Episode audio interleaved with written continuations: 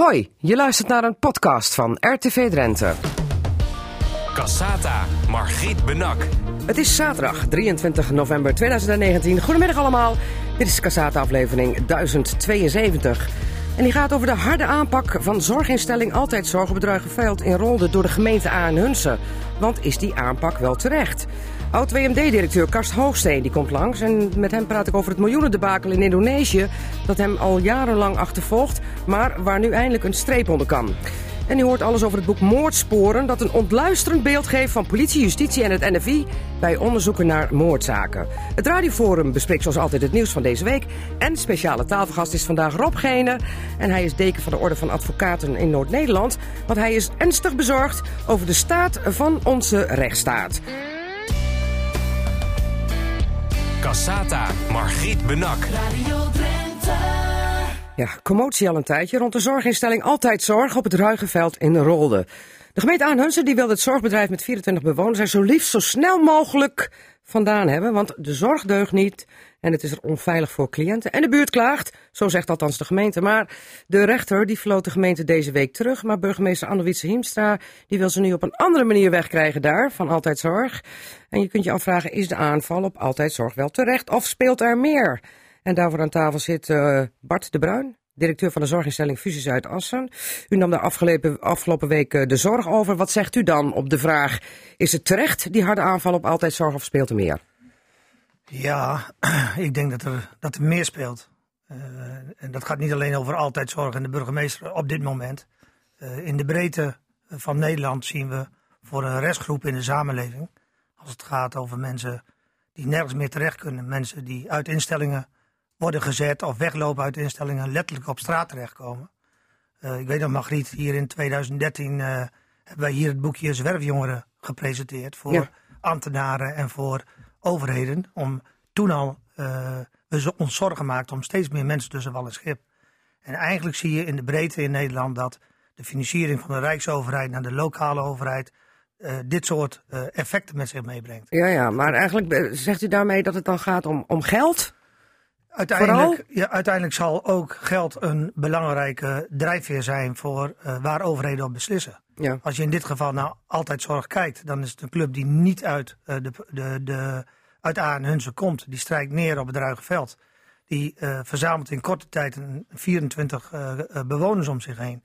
Die zich allemaal melden bij, bij de lokale overheid. Met de vraag om een uitkering en met de vraag om zorggeld. Ja dan praat je toch gemiddeld per persoon zo tussen de 60 en 100.000 euro per jaar.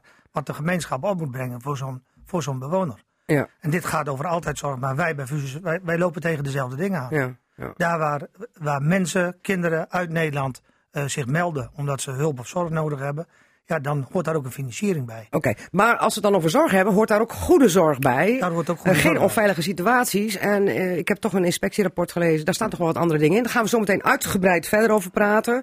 Ach. Want ik moet nog even zeggen dat burgemeester Anne-Wietse Himsa van Aanhunsen ook is uitgenodigd voor Cassata.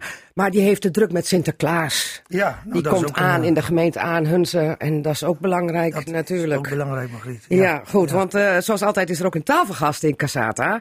En dat is vandaag uh, een advocaat. Rob Gene. Hij komt ook uit Rolde. Woont zelfs vlakbij het Ruigenveld. Ja. Welkom. Um, maar u bent ook nog deken van de Orde van Advocaten in Noord-Nederland. En als mensen nou denken deken, nou dat is eigenlijk zeg maar een soort uh, ja, voor, voorzitter hè, van de hele club van advocaten. Zeg ik dat goed? Ja, het is meer. Het is, de voorzitter van de, laten we zeggen, lokale orde van ons arrondissement Noord-Nederland. Maar ik ben ook toezichthouder. Dat wil zeggen dat ik ook indringend toezicht houd op, uh, op uh, het feit of de advocaten zich houden aan de kernwaarden die zij in acht moeten nemen. Ja, zo'n inspecteur zeg maar van, uh, ja, van de advocatuur. Ja, zeker. Ja, ja, ja. Maar welkom in Cassata, want u zit hier, want u maakt zich ernstig zorgen over de staat van onze rechtsstaat. U zit 41 jaar in het vak als advocaat. U bent vooral gespecialiseerd in ondernemingsrecht, betrokken bij fusies en overnames. En gaat uw laatste jaar in, zo zeg ik dat goed? Dit is mijn laatste jaar. Ja, ja, ja. Dit is Ja. uw laatste jaar. Wanneer eindigt het, het jaar voor u en de 13 advocatuur? maart. 13 maart. 13 maart.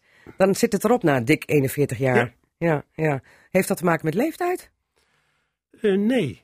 Nee, nee. nee. Want u bent uh, 67, heb ik begrepen. Ja, als, als ik afscheid neem ben ik 69. Nee, wacht even. Ik ben nu 68. Oh, u bent Ja, 68, ja, ja. excuus.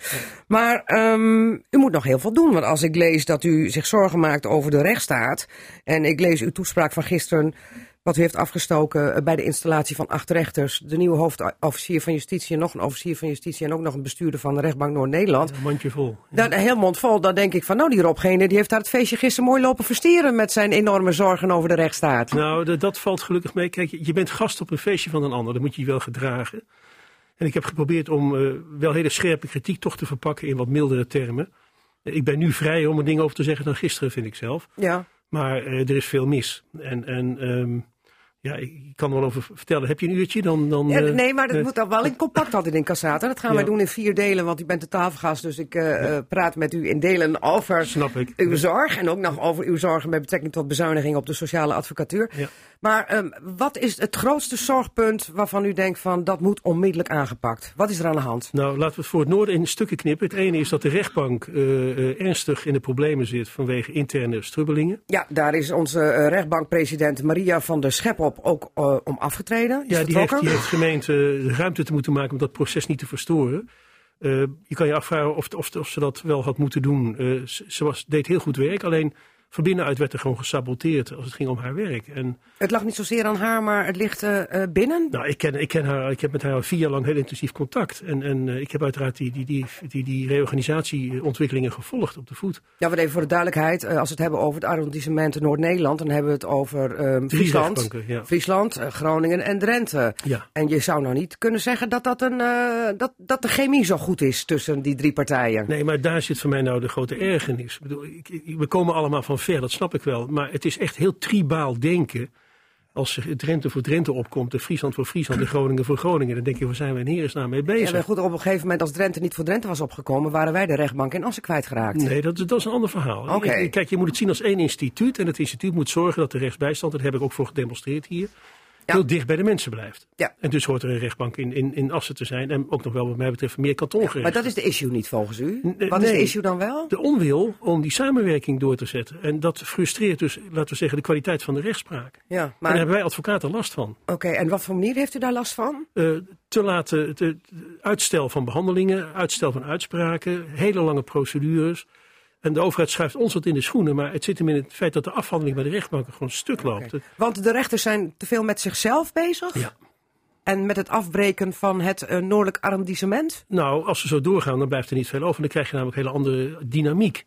Want uiteindelijk, als het hier niet wil op deze manier, dan wordt daarna gedacht over hoe gaan we dit probleem hier buiten de rechters om oplossen. Ja. Dus ze zijn deel van het probleem. Als ze onderdeel van het probleem niet wil meewerken aan een herstel of aan een reorganisatie, dan gaan dingen fout. Maar waar zit die onwil dan vooral in als het gaat om, om die rechters? Want er wordt gezegd, er is een angstcultuur Ja, op de werkvloer. Ja, maar u zegt dat is sabotage. Nou, Toen nou, rechters en angstcultuur, hoe kan dat? Ik bedoel, dat zijn toch hele volwassen mensen die allemaal geleerd hebben en die heel goed weten hoe de wereld in elkaar zit. Ik kan me niet voorstellen dat er een weldenkende rechter is die zegt: Ik heb last van een angstcultuur. Ja, die, maar die zijn mondig genoeg. Maar hij was wel een hele mondige rechter en die had eh, pittige columns. En in die columns uitte hij ook kritiek op eh, het rechtbankbestuur. Zeker. Maar op een gegeven moment mocht deze beste man geen column meer schrijven. Ja, De maar, mond werd gesnoerd. ja, maar zo is het niet. Kijk, Oh. het punt is.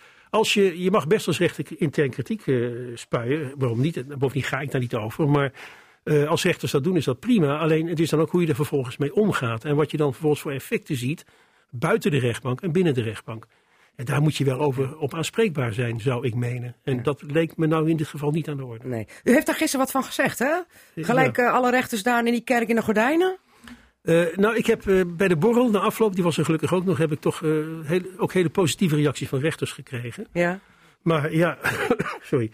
Eh, ja, de meningen liggen natuurlijk wat verdeeld. En ik kom een beetje uit de lucht vallen met dat verhaal in zo'n zaal. Dus ja, Ja. iedereen moet er even over nadenken. Want het is een beetje feestelijke stemming. Er Ja. is een rechtertekort. eh, Acht rechters worden geïnstalleerd. Ja. Joepie de poepie. En dan komt er op geen de deken van de Orde van Advocaten Noord-Nederland. Even, even lekker prikken. Nou, ik heb er ingedekt ook, maar het is ook echt zo. eh, dit was mijn laatste publieke optreden, dus bij de rechtbank en eh, als deken. En ik heb nog wel een soort testament na te laten. En dat heb ik gisteren dan ook een beetje verpakt in mijn toespraak.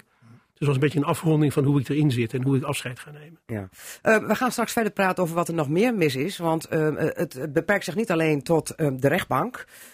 bij politie en justitie is er ook van alles aan de hand. Zeker. En u heeft daar ook een oplossing voor. Wat er moet gebeuren, daar gaan we straks over praten. Want waar ook een oplossing voor moet komen, is voor altijd zorg op het Ruigenveld. Want Bart de Bruin, u bent directeur van Fusies. Even eerst voor alle duidelijkheid. U bent um, al jaren directeur van Fusies. Wat is Fusies even voor de goede orde? Vergelijkbare instelling met Altijdszorg. Ja, ook ooit ja, zo klein begonnen. Ja, ooit zo klein begonnen. Uh, oprichter van Stichting Fusus. Ja. Jaren geleden, omdat we toen al zagen. Ik was directeur in een grote zorginstelling. En ik zag dat het binnen de grote instelling niet meer lukte om voor deze doelgroep een kader te bieden binnen die instellingen. Die mensen die verzopen daar. Die, ja, niet alleen die verzopen daar. Je, je hebt met zoveel regels uh, te maken vanuit de overheid. Uh, plat gezegd, je mag geen drugs gebruiken op een instelling. Nee. Doe je dat, dan krijg je een gele kaart. Doe je het nog een keer, krijg je een rode kaart, moet je eraf. Ja. Dat geldt met drankgebruik, seksueel overschrijdend gedrag, Mhm. geweld. Al die dingen die onze jongens en meiden met zich meebrengen, met gedragsproblemen. Dat past niet binnen Nee. de kaders Klinkt van grote logisch? instellingen. Ja, dat klinkt logisch. Maar toch komen ze op straat. Ja. Dus wij nee, maar het klinkt logisch dat je geen drugs uh, mag gebruiken en geen drank als je al problemen hebt. Oh ja, dat, dat, maar voor, dat, is echt, dat is echt de vraag. Ik weet niet of je gisteren dat stuk van, uh, van die hoogleraar uh, van, het Radboud, van de Radboud Universiteit hebt gelezen. Die Ja. zegt, daar, daar gaat een gemiddeld mens niet over. Ik kijk ook niet naar jou of jij wat drugs gebruikt in jouw avonturen of dat je een borreltje drinkt. Daar word je niet op aangesproken. Je wordt aangesproken op of je je werk wel of niet goed doet. Maar Daar goed, eh, wat, wat, wat zijn dan de mensen die door fusies worden opgevangen? Jongens en meiden die ergens nergens in Nederland meer terecht kunnen. En die uiteindelijk in de goot terechtkomen. Die Ja. plukken wij weer uit de goot. En daar maken wij weer kwaliteit van bestaan voor. Ja, uh, uw kantoor zit in Assen, maar u heeft op verschillende plekken in Drenthe en ook geloof ik in de Stellingwerven um, Ja. Uh, woonplekken, maar ook dagbestedingsplekken. Ja. Hoe groot is Fusis? We zijn begonnen in 2003 met één bewoner. En inmiddels wonen er 163 mensen dag en Ja. nacht bij ons. Oké. U kwam in Rolde terecht. Hoe, hoe ging dat? Ik werd gebeld door de gemeente Aarnunsen. Vrijdagmiddag. Ik was bezig met een uh, bijeenkomst voor nieuwe medewerkers. Is twee weken geleden. hè? Twee weken geleden. Vrijdag twee weken geleden. Mhm. In het duurzaamheidscentrum hier in Assen. En uh, met de vraag of ik wilde komen. Omdat de drie uh, zorgaanbieders die erin zaten. Uh, de opdracht terug hadden gegeven aan de gemeente. Ja, want er was al een vervanging hè, voor Altijdzorg. Want de gemeente die vond dat Altijdzorg geen goede zorg leverde. Dat het een onveilige situatie was. Verstoring ook van de openbare orde. Die greep in. Die greep in. Oké. Met als bedoeling uh, de mensen van Altijd Zorg eraf en de bewoners eruit. Die zijn naar de rechtbank gegaan. S'nachts in een kort geding. Ja, heeft mochten de er niet rechter gezegd, bewoners blijven zitten. Toen moest daar vervangende hulp op. En dat heb ik die 14 dagen, Ja. Totdat de rechter uitspraak heeft gedaan, heb ik dat gedaan. Ja, want even voor de duidelijkheid, van de week heeft de rechter uitspraak gedaan en die heeft gezegd dat altijd zorg terug moest komen. Ja. Omdat eigenlijk de gemeente niks over de zorg te zeggen had en dat er geen sprake was van ernstige uh, openbare orde uh, zaken hè? en ernstige veiligheidszaken. Nou heeft u daar twee weken gezeten. Wat is uw beeld over altijdzorg? Want even voor de duidelijkheid, de gemeente zegt de zorg deugt niet en het is onveilig. Cliënten lopen daar risico. Wat zegt u dan? Ik heb daar 14 dagen intensief opgetrokken met een groep mensen die er zitten. En ik heb geen enkele onveilige situatie meegemaakt in die 14 dagen. En dan kun je nog zeggen, de eerste uh, week heb ik het uh, in mijn eentje gedaan met twee van mijn hulpverleners. Daarna hebben we opgeschaald met Humanitas en met Kopland Zien. Uh, Ja, Kopland is ook een, uh, een organisatie. Een organisatie uit Ja. Groningen. Ja. Humanitas DMA uh, zit in het hele land, maar hier in Drenthe werken wij intensief met ze samen. Ja. Dus die partij heb ik aangedragen. Daar hebben we de diensten weer mee ingericht. Dus u zat met z'n drieën eigenlijk op die locatie om zorg te verlenen. Ik heb alleen gezeten tot de uitspraak van de rechtbank. En na de uitspraak hebben we met drie partijen uh, uh, gewacht, zeg Ja. maar, tot de uitspraak van de rechter op papier stond. En die uitspraak was altijd zorg mag onmiddellijk terug. En toen hebben wij overgedragen en heeft altijd zorg het weer Mm. Ja, ja, maar u zegt van ik heb daar eigenlijk geen onoorbare dingen gezien. Ik niet, Kopland niet en Humanitas ook niet. Maar hoe kan het dan dat ik een inspectierapport heb van zes kantjes, een voorlopig inspectierapport, die zich toch ernstige zorgen maakt? Uh, 15 punten criteria zijn getoetst, eentje is niet van toepassing. Uh, zeven, daarop zegt uh, de inspectie, deugt niet. Nee, is niet goed. Medicatiebeleid, kwaliteit van zorg. En op andere punten is het zeven keer deels. Dat geeft toch wel een beeld van dat het niet helemaal oké is daar. Dat is wel mooi dat je dat aanhaalt, want kijk, een inspectierapport werkt als volgt. Uh, dit gaat waarschijnlijk om de inspectie van de IGJ, dat is de landelijke inspectie. Ja. Er zat maar één bewoner met een indicatie uh, op landelijke ja, zorg. op, op wet langdurige zorg. hè? de- waarna- maar het gaat over WMC, WMO-zorg en WLZ-zorg. Maar de, de, dit inspectierapport waar jij aan refereert, is het inspectierapport van de langdurige zorg Mhm. Ja. en niet van de WMO. Oké. We hebben een goed gebruik in Nederland. Dat Ja. als de inspecties langskomen, dan schrijven ze op wat ze zien. En dan mag dan de partij eh, die beoordeeld wordt, mag daar op feitelijkheden op reageren. En als je daarop gereageerd hebt, komt er een definitief rapport. Waar jij uit eh eh voorleest. Mhm. Dat is het voorlopig. Dat is het voorlopig Ze zijn nog bezig met het definitieve Precies. rapport. Want we hebben bij RTV Drenthe dat opgevraagd, maar dat kon nog niet, want ze Nee. waren nog druk het rapport aan het opmaken. Precies. Dus ik vind, ik vind er al wel wat van dat een definitief rapport gepubliceerd wordt. Mhm. Normaal gesproken krijgen wij de rapportage, wij, wij rapporteren terug op feitelijkheden. Dan wordt het rapport aangepast. Pas als hij definitief is, wordt hij gepubliceerd. Hm. Dus wat is de reden dat een voorlopig rapport wordt gepubliceerd? Nou, dat, ik, ik, weet niet. ik we hebben dat in handen gekregen. En Ja. heb ik toch even gekeken van ja, een burgemeester grijpt toch niet zomaar in.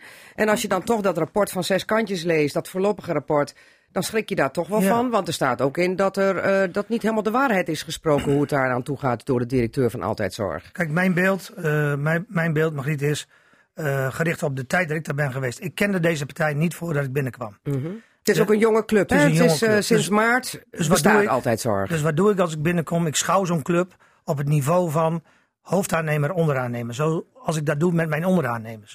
Dus ik pak mijn eigen kwaliteitsbeoordeling bij en ik Mhm. Maar leg kijk even, even voor de mensen uit, wat, eh, hè, hoofdaannemer, onderaannemer. Want het lijkt, we hebben het nu niet met de bouw te maken, maar, Nee, maar in de zorg gebeurt dat ook. Ja. In de zorg gebeurt Ja, dat ook. Hè? ja. Dus dan ben ik verantwoordelijk voor de kwaliteit van zorg in zo'n instelling. Ja. Dus ik leg zo'n organisatie daar langs de lat. En ik kijk, zijn ze governance ingericht? Gaat er geen geld de verkeerde kant op? Wat is de kwaliteit van zorg? Zijn de zorgplannen? Ja. Dan zie ik een organisatie die zes maanden bestaat. Ja. En ik kan je vertellen dat ik met Fusus na zes maanden niet zo ver was als deze organisatie En uiteindelijk is het toch goed gekomen met Zo u. is dat. Ja, ja, Zo ja. is dat. Maar hoe, hoe ehm, schat u de houding van de gemeente aan Hunze in?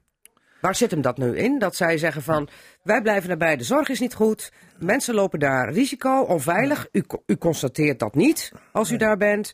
En nu gaan we het proberen op het gebied van eh, ruimtelijke ordening. Want zij wonen daar illegaal. Want je mag daar alleen maar wonen onder voorwaarden. Dat betekent met toestemming van de gemeente, die is niet gevraagd. Nee. Wat zegt u dan? Ja, dat, dat, dat, dat, dat vind ik jammer. Ik vind jammer dat er geen dialoog op gang komt. De rechtbank heeft uitdrukkelijk eh, uitgesproken dat de komende 14 dagen gebruikt moet worden met, de, voor de, de gemeente en de zorgpartij om te kijken wat moet hier gebeuren om goede zorg te kunnen leveren. En eindelijk eh, wijkt de burgemeester daarvan af en zegt wat er ook gebeurt. Ik zorg ervoor dat deze partij niet op die plek kan blijven. Hij zegt letterlijk, wat er ook gebeurt, ik ga geen zorgindicatie voor die Nee. 24 bewoners Nee. afgeven. Want de zorg deugt niet. Nee, en ik vraag mij af of de burgemeester dat kan zeggen. Weet je, dat is een recht voor een individu. Eh, iemand die eh, zorg nodig heeft, meldt zich bij de daarvoor betreffende organisaties. In dit geval is dat de gemeente. Hm. En een gemeente kan niet, omdat een zorgaanbieder in zijn ogen niet voldoet, geen indicatie afgeven. Dus dan kom je weer bij de rechter uit. Hm. Ja. Geldt over de bestemming exact hetzelfde. Eh, altijd zorg huurt van een grote partij, van Ja, Green DNA. Ja. Ja. daar huren ze van. Die zeggen eh, wat altijd zorg daar doet, past binnen de bestemming. Dus ook daar kan de burgemeester van zeggen, ik vind van niet. Maar dan kom je uiteindelijk weer bij de rechtbank uit om de toets te halen of het wel of niet klopt. En waar het, Maar wat en dit- wat, wat mij doet- betreurt, wat- wat ja. mij betreurt is, ik heb echt geprobeerd eh, de burgemeester te vragen, is er een mogelijkheid dat ik kan bemiddelen tussen altijd zorg en de gemeente om te kijken waar gaat het nu precies over? Ja. Ik ben niet de enige.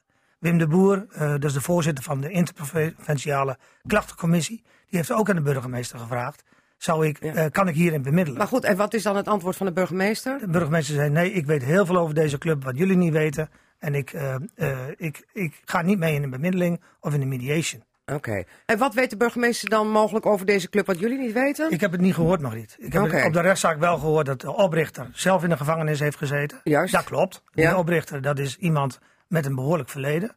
Die gekanteld is in zijn leven en die gevoeld en gezien heeft, misschien wel het licht heeft gezien. En gezegd, ik ga wat betekenen voor andere mensen. Omdat hij misschien als ex-gedetineerde ook tegen hetzelfde probleem aanloopt... Dat waar zoveel mensen tegenaan lopen dat er geen hulp en zorg is voor ze. Dat is misschien het verhaal. Als je zijn levensverhaal hoort, dan lijkt dat wel op de verhalen van de jongens en de meiden die bij hem binnen zitten. Dat klopt. Mm. Dat hij daarnaast een hoop mensen aan heeft genomen. Hij zit niet formeel in de bestuurslijn. Dus hij heeft een directeur aangenomen, zorgcoördinatoren die wel gediplomeerd zijn. En ja, er zijn een aantal zijinstromers. Ja. Die zijn, Maar, maar, die, maar oh, dat, dat- wat je nu zegt is dan hè, eh, opgeleid, maar daar, dus, eh, dat zou ook niet deugen. Niet adequaat opgeleid. Ik zat gisteren bij de Vereniging van Gehandicaptenzorg Nederland. En daar denken we na over de toekomst van Nederland als het gaat over de zorg. Eh, grote instellingen krijgen prijzen op dit moment. Omdat ze zij-instromers eh, eh, mee laten doen in het helpen van mensen met een beperking. Ja. Of met een psychiatrisch probleem. Die nog niet een volledige Nee, opleiding die hebben zijn gehad. niet opgeleid. Die bestarten met een opleiding. En door de Ja. loop, maar die hebben wel heel veel levenservaring. Mhm. Dus als je de mensen kijkt die bij Altijd Zo- Zorg rondlopen, dat zijn mensen met levenservaring. Die weten waar, waarvoor ze staan. En ja, die gaan nog een opleiding doen in de zorg. En als je daar een goede eh, verhouding in hebt, Mhm. in het meester-leerling of meester-gezel-leerling systeem, dan kun je daar op een goede manier zorg in verlenen. En ik kan dat weten, want ik heb daar ervaring mee. Ja. Nou is het zo dat er deze week uitspraak werd gedaan door de rechter en dat de bewoners dolgelukkig waren met de uitspraak, want anders altijd zorg mocht terugkomen. Ja. Eh, eh, iedereen viel elkaar in de armen. Hoe is nu de stemming, nu toch de burgemeester heeft aange- aangegeven... als het niet linksom kan, dan rechtsom. Ik blijf gewoon proberen om altijd zorg daar weg te krijgen. Alleen dat is een langere weg. Hoe Ja. is dat ontvangen? Moet je eens bedenken dat, je, eh, eh, dat het je niet gelukt is in dit leven. En dat je uiteindelijk een plekje hebt gevonden eh, waar je je een beetje thuis voelt. Hè? Ja, maar dat gaven ze ook bij RTV Drenthe aan. Ja. Zij waren dolgelukkig Ja, daar, want ze en- zouden niet weten waar ze anders terecht moeten. En dat dan de overheid tegen je zegt, maar wat er ook gebeurt, ik ga proberen om jullie hier weg te krijgen. Ja, dat boezemt angst in. Ernstige gevoelens van onzekerheid en angst voor de bewoners die daar zitten. Mm. En gelukkig hebben ze mensen om zich heen waar ze zich door gesteund voelen. En die zijn bereid om ook, eh, ja, als het niet linksom kan, eh, dan maar rechtsom, zegt de burgemeester. Ja, dan gaan we dat recht weer opnieuw halen bij de, bij de rechtbank. Maar eh, ja, dat dat angst en verwarring zaait, dat is een ding wat zeker is. Nou is het zo dat er ook aan de ene kant omwonenden zeggen van... we hebben nergens last van. We zijn juist blij dat altijd zorg er is. Want dan is tenminste het terrein weer bezet. Daar wonen weer mensen. Want het is natuurlijk een onnoemelijk groot terrein. Want altijd zorg neemt maar een heel klein plekje in... op dat grote terrein met allerlei instellingsgebouwen. Want er heeft 20, 30 jaar hebben daar instellingen gezeten. En ook Zeker. mensen gewoond. Zeker. Hoe kan het dan dat het dan toch ineens eh, via de achterkant bewoners zijn... die zeggen van het deugt allemaal niet... en ik doe nu de deur op slot nu ze weer terug zijn? Ja, Margriet, misschien kan ik je helpen herinneren. eh, de Grietmanswijk waar ik gestart ben. Ooit in Bovensmeelde? O- ooit in Bovensmeelde. Eh, waar we ook hebben moeten vechten tegen beeldvorming. Kijk, natuurlijk, eh, deze mensen zitten daar niet voor hun zweetvoeten. En daar is wat mee aan de hand. Ja, want er, dus, hè, de ex-gedetineerden, ex-verslaafden... Daar is wat mee aan de hand. Ja. Weet je? Eh, eh, en dat is wat wij in onze samenleving natuurlijk vaak tegenkomen. Hè? Het onderzoek Not in My Backyard. Ja, wie wil deze mensen in- nog naast zich? Vroeger sloten we ze op op de terreinen achter het spoor. Ja, Hè? zo ver mogelijk weg uit de Zo ver mogelijk weg. En in de participatiesamenleving zeggen we nee. Ja. Ze komen terug de samenleving in. Dus dit hebben wij als samenleving ook te accepteren met elkaar. Dat er ook mensen waar wat mee aan de hand is, waar een hoekje af is, dat die onderdeel maken, eh, uitmaken van onze samenleving. Ja. Je zal zelf maar een zoon of dochter hebben waar wat mee aan de hand is. En de samenleving zegt tegen jou, weg ermee. We willen ze niet Nee. bij ons in de buurt. Nou bent u bij het ministerie geweest, want u heeft een eh, rapport gemaakt samen met eh, Humanitas DMH. Eh, wending geven aan een uitzichtloos bestaan. Ja. Hè, eh, waarbij u dan een project eh, daar neerlegt van zo zou het moeten kunnen. Ja. Dat die mensen hè, die eigenlijk zeg maar uitgekotst worden door de samenleving en door andere instellingen nergens terecht kunnen. Dat daar in ieder geval steun voor komt en financiering. Hoe, Ja. hoe ligt, is dit vergelijkbaar dan, wat er nu met. Altijd Zorg op Druigenveld gebeurt? Ja, dit, dit is waar het over gaat. We zijn bij het ministerie geweest.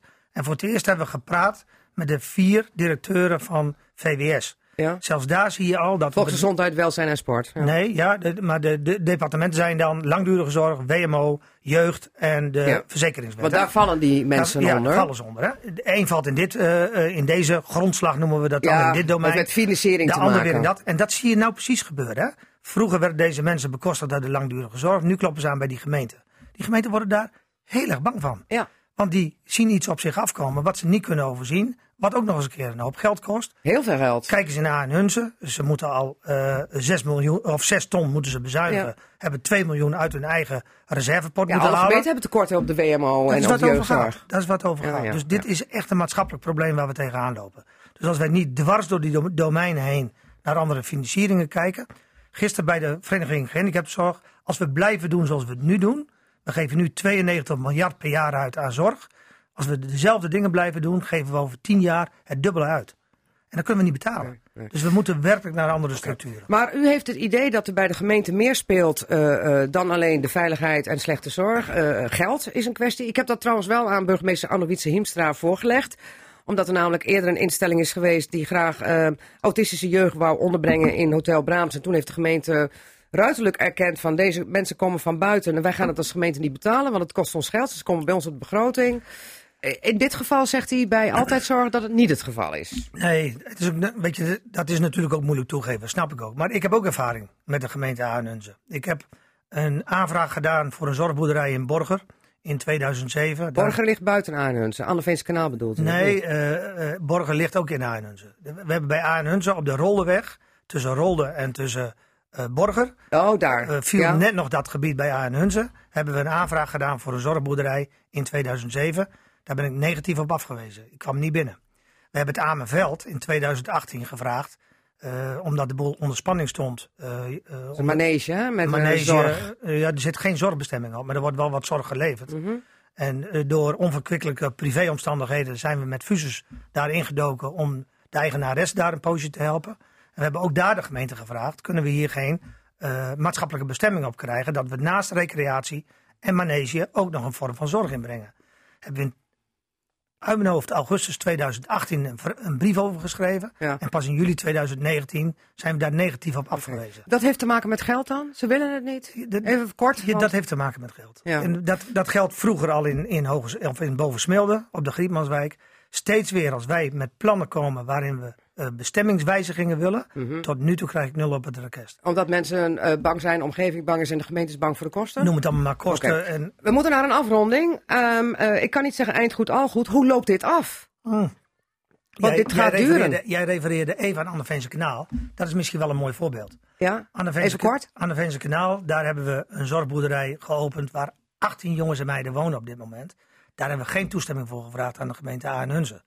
Daar was Erik van Oostrum die er in die tijd zat. Van Oosterhout. Van Oosterhout Ja. was er niet al te Maar- blij mee. Nee. Maar we hebben het wel gedaan.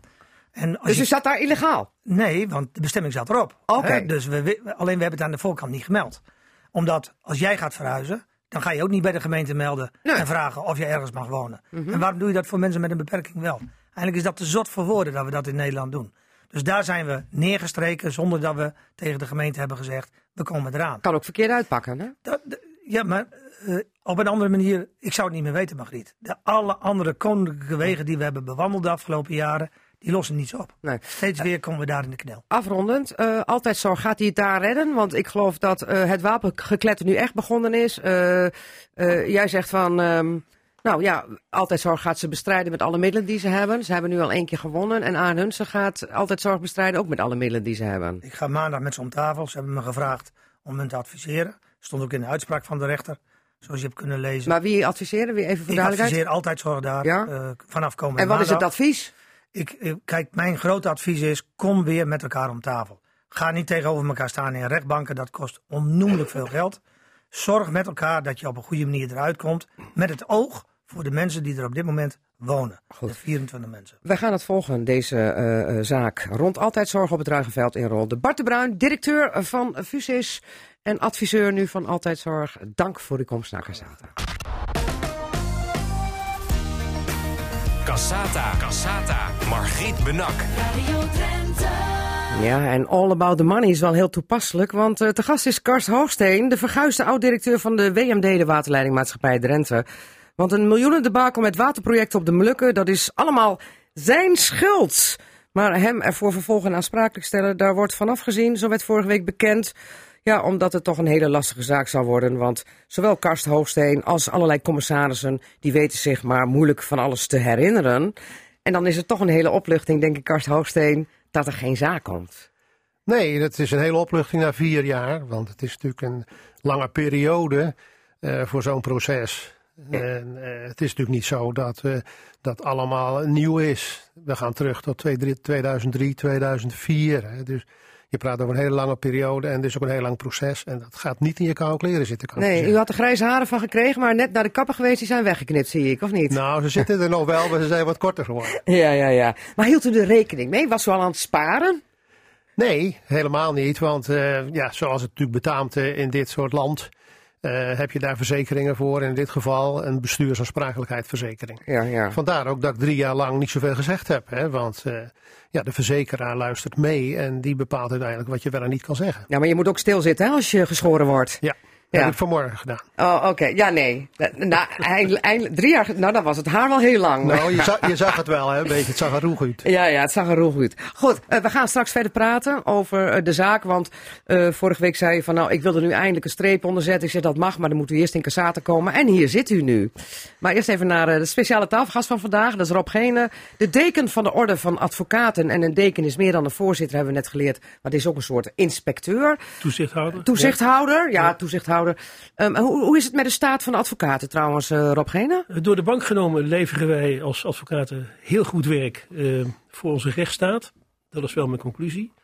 Maar er zijn altijd toch nog wel wat, wat moeilijke pappenheimers die, eh, die wat eh, nader toezicht behoeven. Dat- Ja, altijd wat rotte appeltjes in de mand, hè? die even bij de kuif gepikt moeten dat, worden. Dat is overal zo. Dat hebben wij, ook- ik, ik, zou- ik zou liegen als ik zeg dat het niet zo is. Hoeveel advocaten heeft u deze, dit jaar tot nu toe ehm, even op het matje moeten roepen?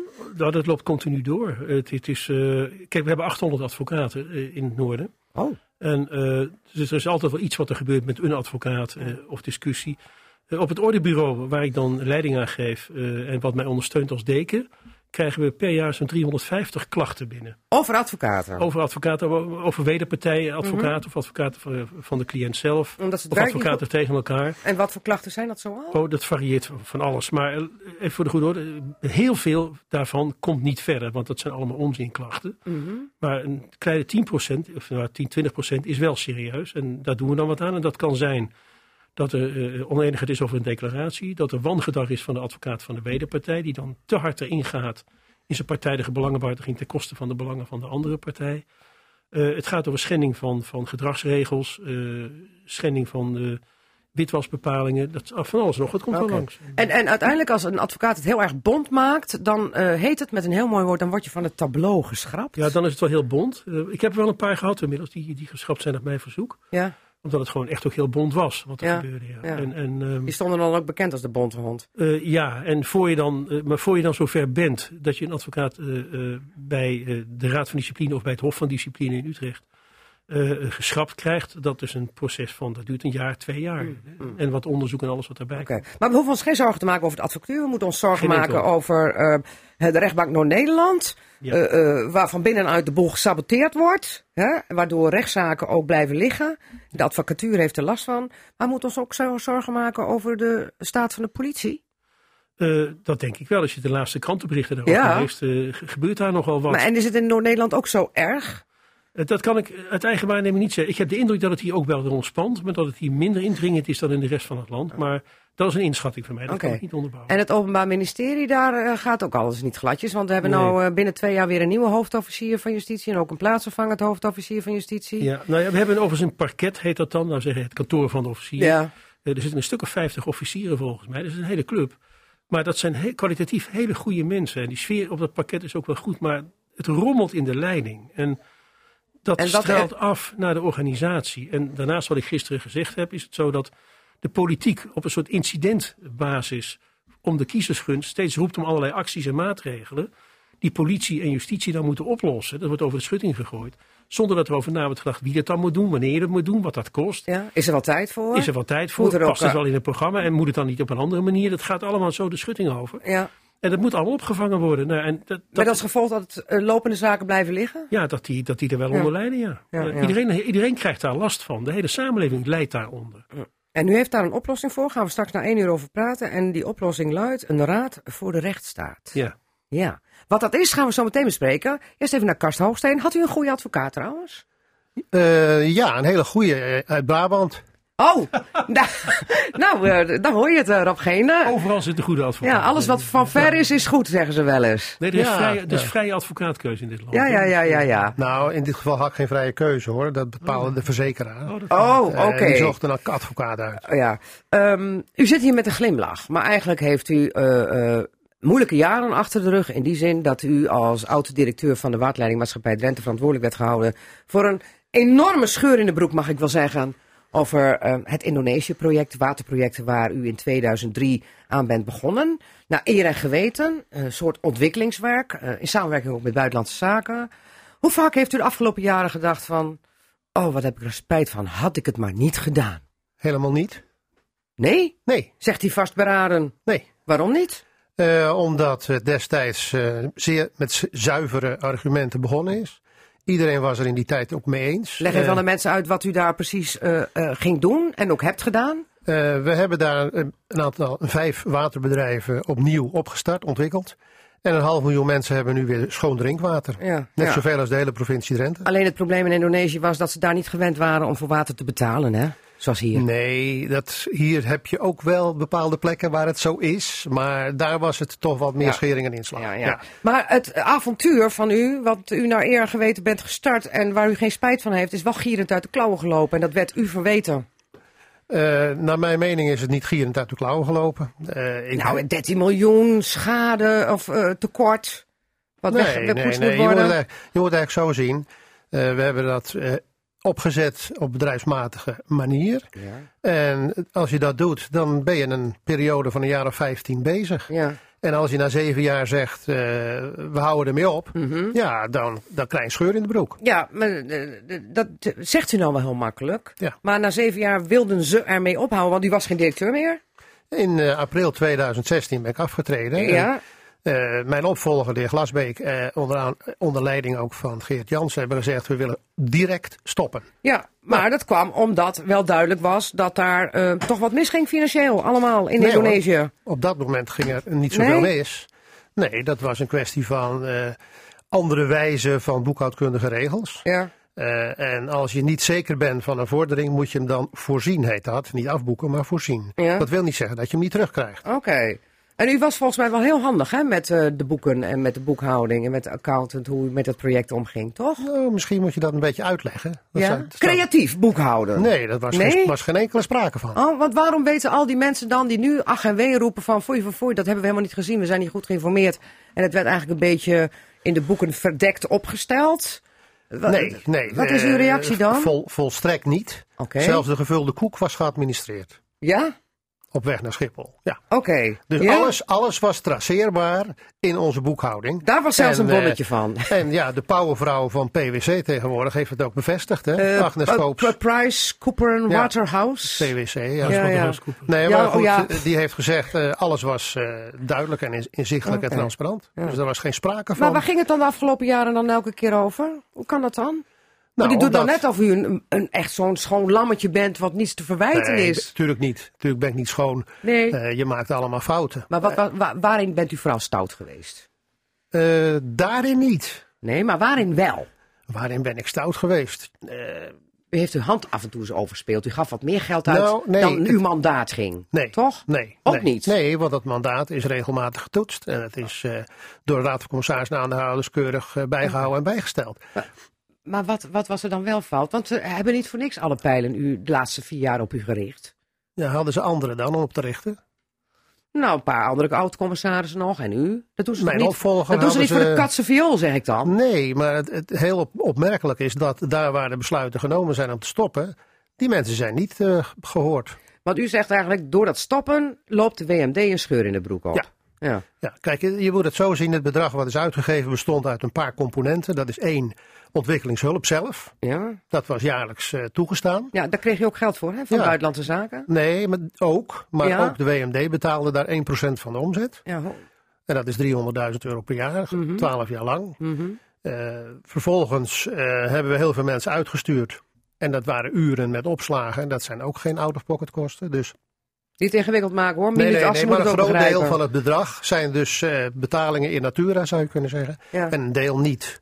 Nou, en dat heeft men allemaal op een hoop geveegd. Ja. Ja, en dan wordt het heel onzichtelijk, onduid- onduidelijk eh, voor iedereen en heel moeilijk uitlegbaar. Ja, ja. Kijk, Maar- waar ik spijt van heb gehad, is Ja. dat ik het misschien niet voldoende duidelijk heb verteld allemaal. Dat zou kunnen. Oké. En met name eh, de nieuwe aandeelhouders in de laatste twee jaar van mijn directeurschap onvoldoende heb aangesloten. Want er zijn natuurlijk heel veel wijzigingen geweest Ja. in de politiek. Ja, maar dat heb je hè, met een aandeelhouders. En dan eh, heb je dan elf gemeenten zijn aandeelhouder in de WMD en de provincie. Die Ja. is voor 50% eh, Dat klopt. met aandelen, de grootste aandeelhouder. En er zijn altijd wisselingen, want dan heb je na vier jaar weer verkiezingen. Dan komt weer een nieuwe wethouder, die wordt dan weer commissaris. Of ja, ja heet dat dan, hè? commissaris toch?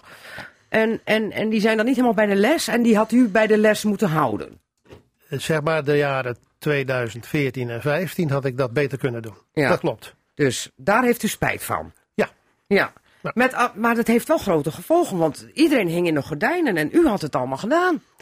Eh, ja, maar dat vind ik dus niet. Ik Nee. vind dat mijn opvolger dat gedaan heeft. Ja. En die Want op- die, die is gewoon te vroeg gestopt. ja. In 2014 en 15 was de politiek zo, die zei we moeten langzamerhand afbouwen. ja. Daar was ik Dat het avontuur eens. in Indonesië. Afbouwen en daar een jaar of vijf de tijd voor nemen. Ja. Dat was toen eh, het besluit, zou je kunnen zeggen. Daar ben ik mee begonnen in 2015. En mijn opvolger heeft gezegd, niks afbouwen, meteen ophouden. Want dat loopt niet goed af, dat avontuur Dat daar in hij. Indonesië. Dat vond hij. Ja, maar de aandeelhouders erbij toch? Eh, die heb ik niet gesproken, want dus dat weet ja, ik niet. nee, maar de- ja, die, doen, dat- die beslissen dat gezamenlijk. En die Ja, weten klopt. best wel wat ik bedoel. Dat zie ik aan uw gezicht. ja, ja. Maar goed, de tijden Maar- zijn ook anders dan toen. Dat klopt. Maar u zegt van ik had ze eigenlijk wat meer mee moeten nemen, wat uitleg moeten geven. U ontkent dat u eh, wat meer geld uitgaf dan uw mandaat was. U zegt dat is niet waar. Maar u bent wel een eigenzinnig, een eigen gereid mannetje. Ja, eh, eh, ik weet dat je dat vindt en velen vinden dat ook. En misschien moet ik je daar gelijk in geven. Ja, want u vindt dat zelf eigenlijk ook wel. Een beetje wel, ja. Maar als je dat niet bent, dan kun je niet al die avonturen doen bij de WMD wat u gedaan heeft. Nee, er was er geen bedrijf opgebouwd eh, met allerlei leuke andere waterprojecten. Ja. Natuurontwikkeling, wildlands. Je kan al die dingen wel Ja, noemen. ja. Wat Maar- nou het voor de mond ja ligt, Rob bemoei je er eens even mee. Wat- hoe, hoe komt een Drentse waterleidingmaatschappij er nou bij om in Indonesië een waterproject te gaan beginnen? Wat is dat? We hebben het hier allemaal hard nodig. Ja, ja. En, hoe kom- en dan ga je miljoenen ga je in, in een gebied investeren waar je nauwelijks controle over hebt. Dat weet je van tevoren, denk ik. En dan toch gaan we dat doen. Hoe- hoe- waar het komt dat is- nou vandaan? Het is heel goed dat je zegt, toch gaan we dat doen. Ja, Kijk, de gemeenschappen heeft het ondersteund. Hè. Dan ga je dus terug tot Mhm. oud-gedeputeerde Wijdgraaf en eh, Ja. mijn voorganger. En dat had te maken met de Molukse samenleving. Eh, dan gaan we niet emotioneel doen, Mhm. Nee, nee, maar dat- eh, Nou, er we is een zijn, band. hè? Er is een historische band. Ja, Ja. en die historische band was zo dat eh, in die tijd men vond dat wij toch wel een, wat moest goedmaken richting eh, de Molukse gemeenschap. Dus zijn we op Ambon begonnen. Dus dat de hele bedrijf. politiek wist daarvan. En die Ja, zeker. van oké. in we- Ja, dat was- 1996 al. Hè? Er was één partij die stak de vinger op, de CDA, dat moet ik ze nageven. Klopt. CDA heeft altijd gezegd, Harm Holman in dit geval, eh, die zit nu in de Raad van Noorderveil, die zei van, dat moeten wij helemaal niet doen. Onze core business als WMD is schoon water leveren wat uit de kraan komt bij de burger en de prijs zo laag mogelijk houden. Punt. Ja, dat was in 2003, ik weet Ja. heel goed. Ja, en nu is het weer zo. Ja, En alle projecten die Karst Hoogstede heeft opgezet, die zijn allemaal weg. Dat is heel jammer. Ja, de participatie in Wildlands, Brevenen met eh Donlo. Hè, het, eh, ook het, weg. eh, Anloer water uit de fles, eh, bronwater. Oh ja, zeker, ja. Ook dat is ook weg. Ja. En, en allerlei andere zaken. Ja, de, het is helemaal afgebouwd. Ja. Dus ja, De erfenis van Karst Hoogsteen. die is er niet meer. Die is er niet meer. Jawel, een scheur in de broek van 30 Nee, miljoen. nee, nee, nee. nee.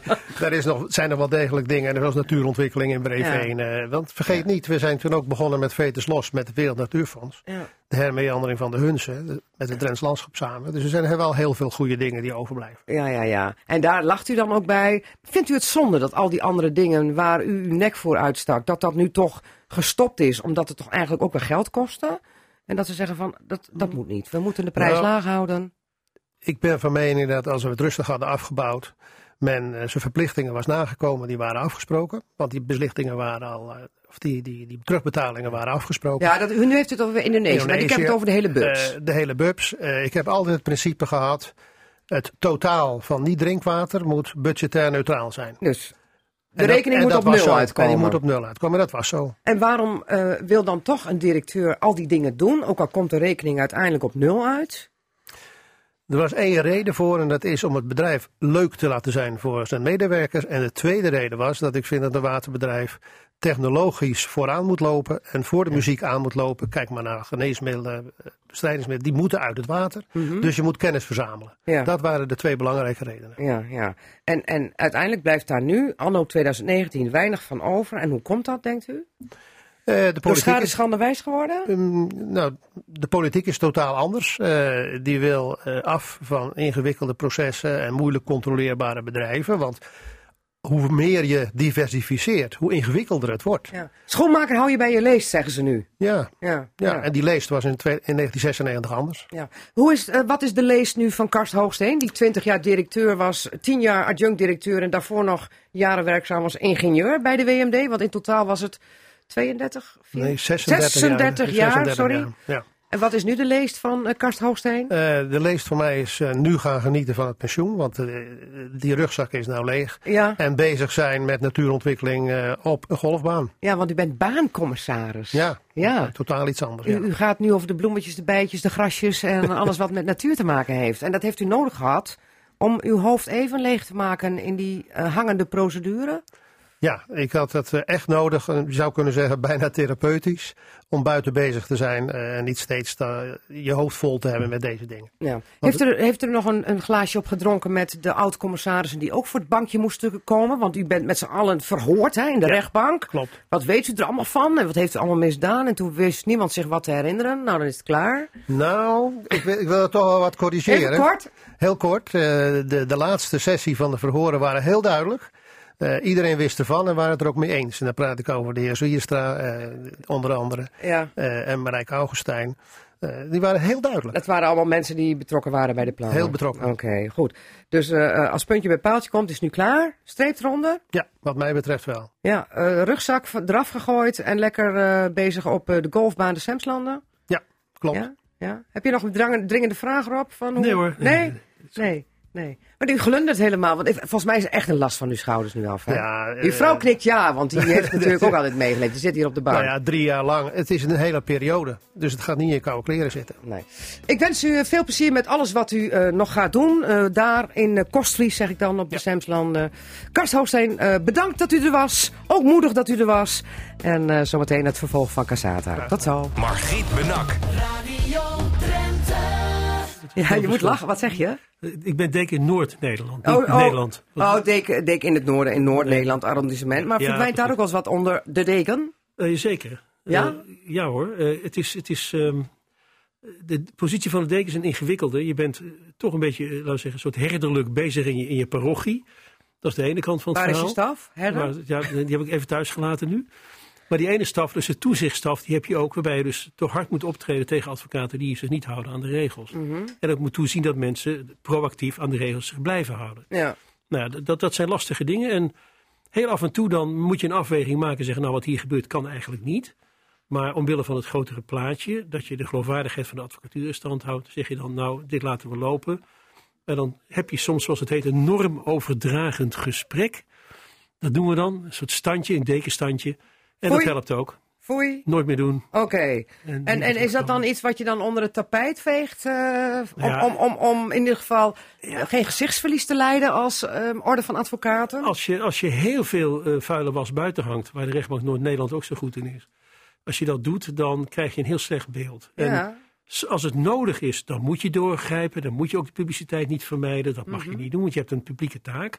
Advocaten ook, dus daar heb je rekening mee te houden. Maar een aantal dingen verstoren het beeld, maar zijn niet zo belangrijk dat je zegt, nou, daar moeten we mee naar buiten. Maar ja, goed, kijk, eh, we hadden het in het eerste uur al gehad over wat er bij de rechtbank Noord-Nederland aan de hand is. Hè? En eh, volgens u is dat een beetje obstructie wat er van binnenuit gepleegd wordt, of Ja, zo, sabotage. ervaar ik dat. Ja. Ja, eh, verzet. Maar die mensen moeten nu gewoon eens goed gaan samenwerken. Omwille van de goede zaak. Ja. Ja.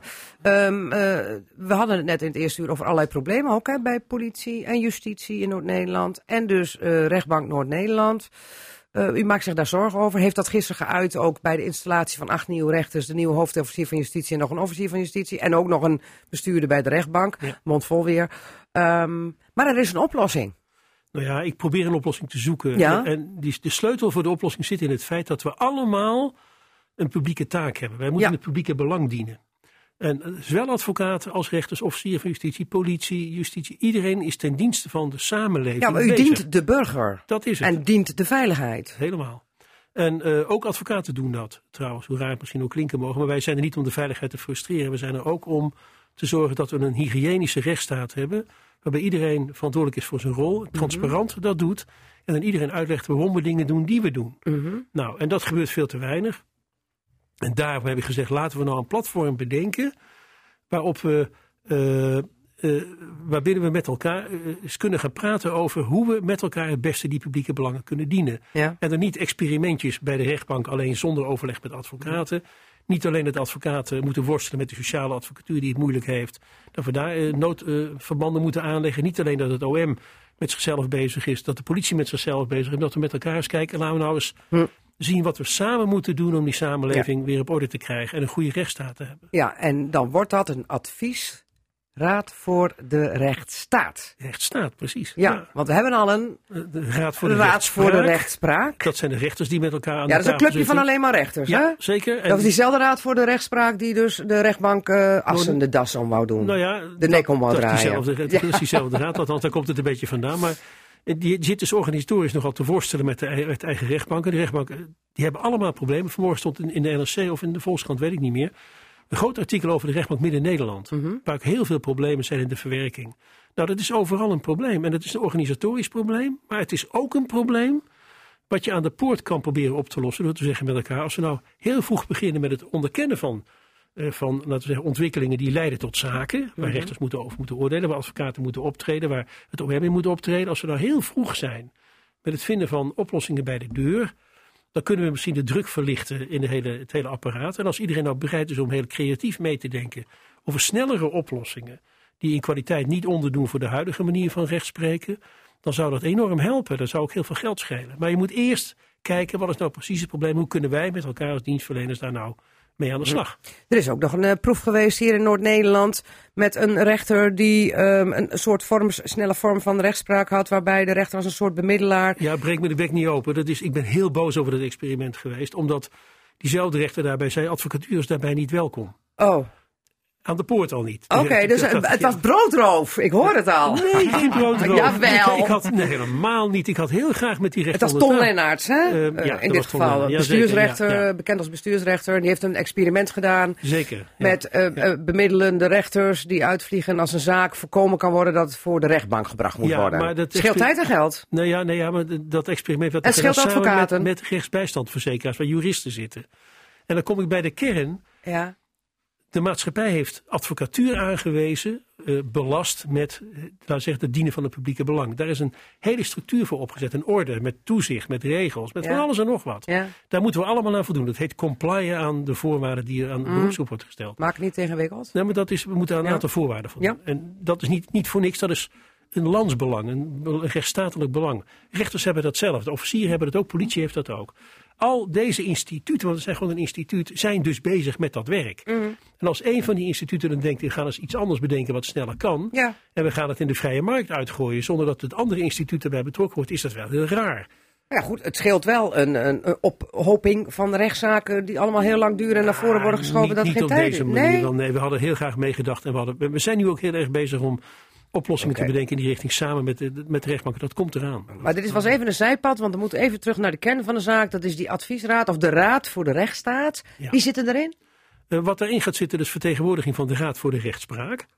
Ja. Dat moet de rechters dus. Ja, van het departement zal er iemand in moeten zitten. eh, want het is een gezamenlijke verantwoordelijkheid Ja. van overheid. Maar iedereen zit erin. eh, De orde zit erin. De en het advocaten Openbaar dus. Ministerie zit er ook in. Ja. En wat mij betreft ook de Raad voor de Rechtsbijstand. En doel en missie? Doel en missie is om met elkaar te zoeken naar een herdefiniëring van taken. En te kijken of we met elkaar eh, de rechtspraak effectiever kunnen maken.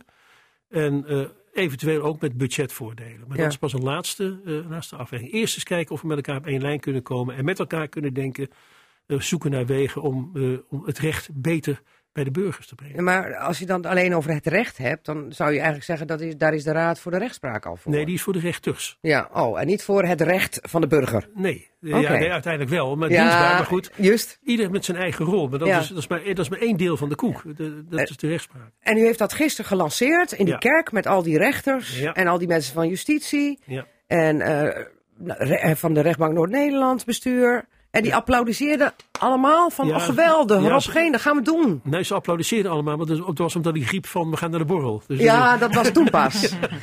Maar eh, hoe was de reactie daarop? Was, het Eh, een, wa- was het een idee? Nou, het is te nieuw om al direct de reactie van mensen te kunnen Hij moet verwachten. nog even Dit- Dit landen. moet even indalen. Ja. Dat gaat wel even duren. Goed. Eh, dit moet ook even bij de mensen indalen. Zeker. We gaan straks verder praten, ook vooral over de piketadvocaat, de sociale advocatuur. Maar nu is het hoogste tijd voor. Cassata, het radioforum.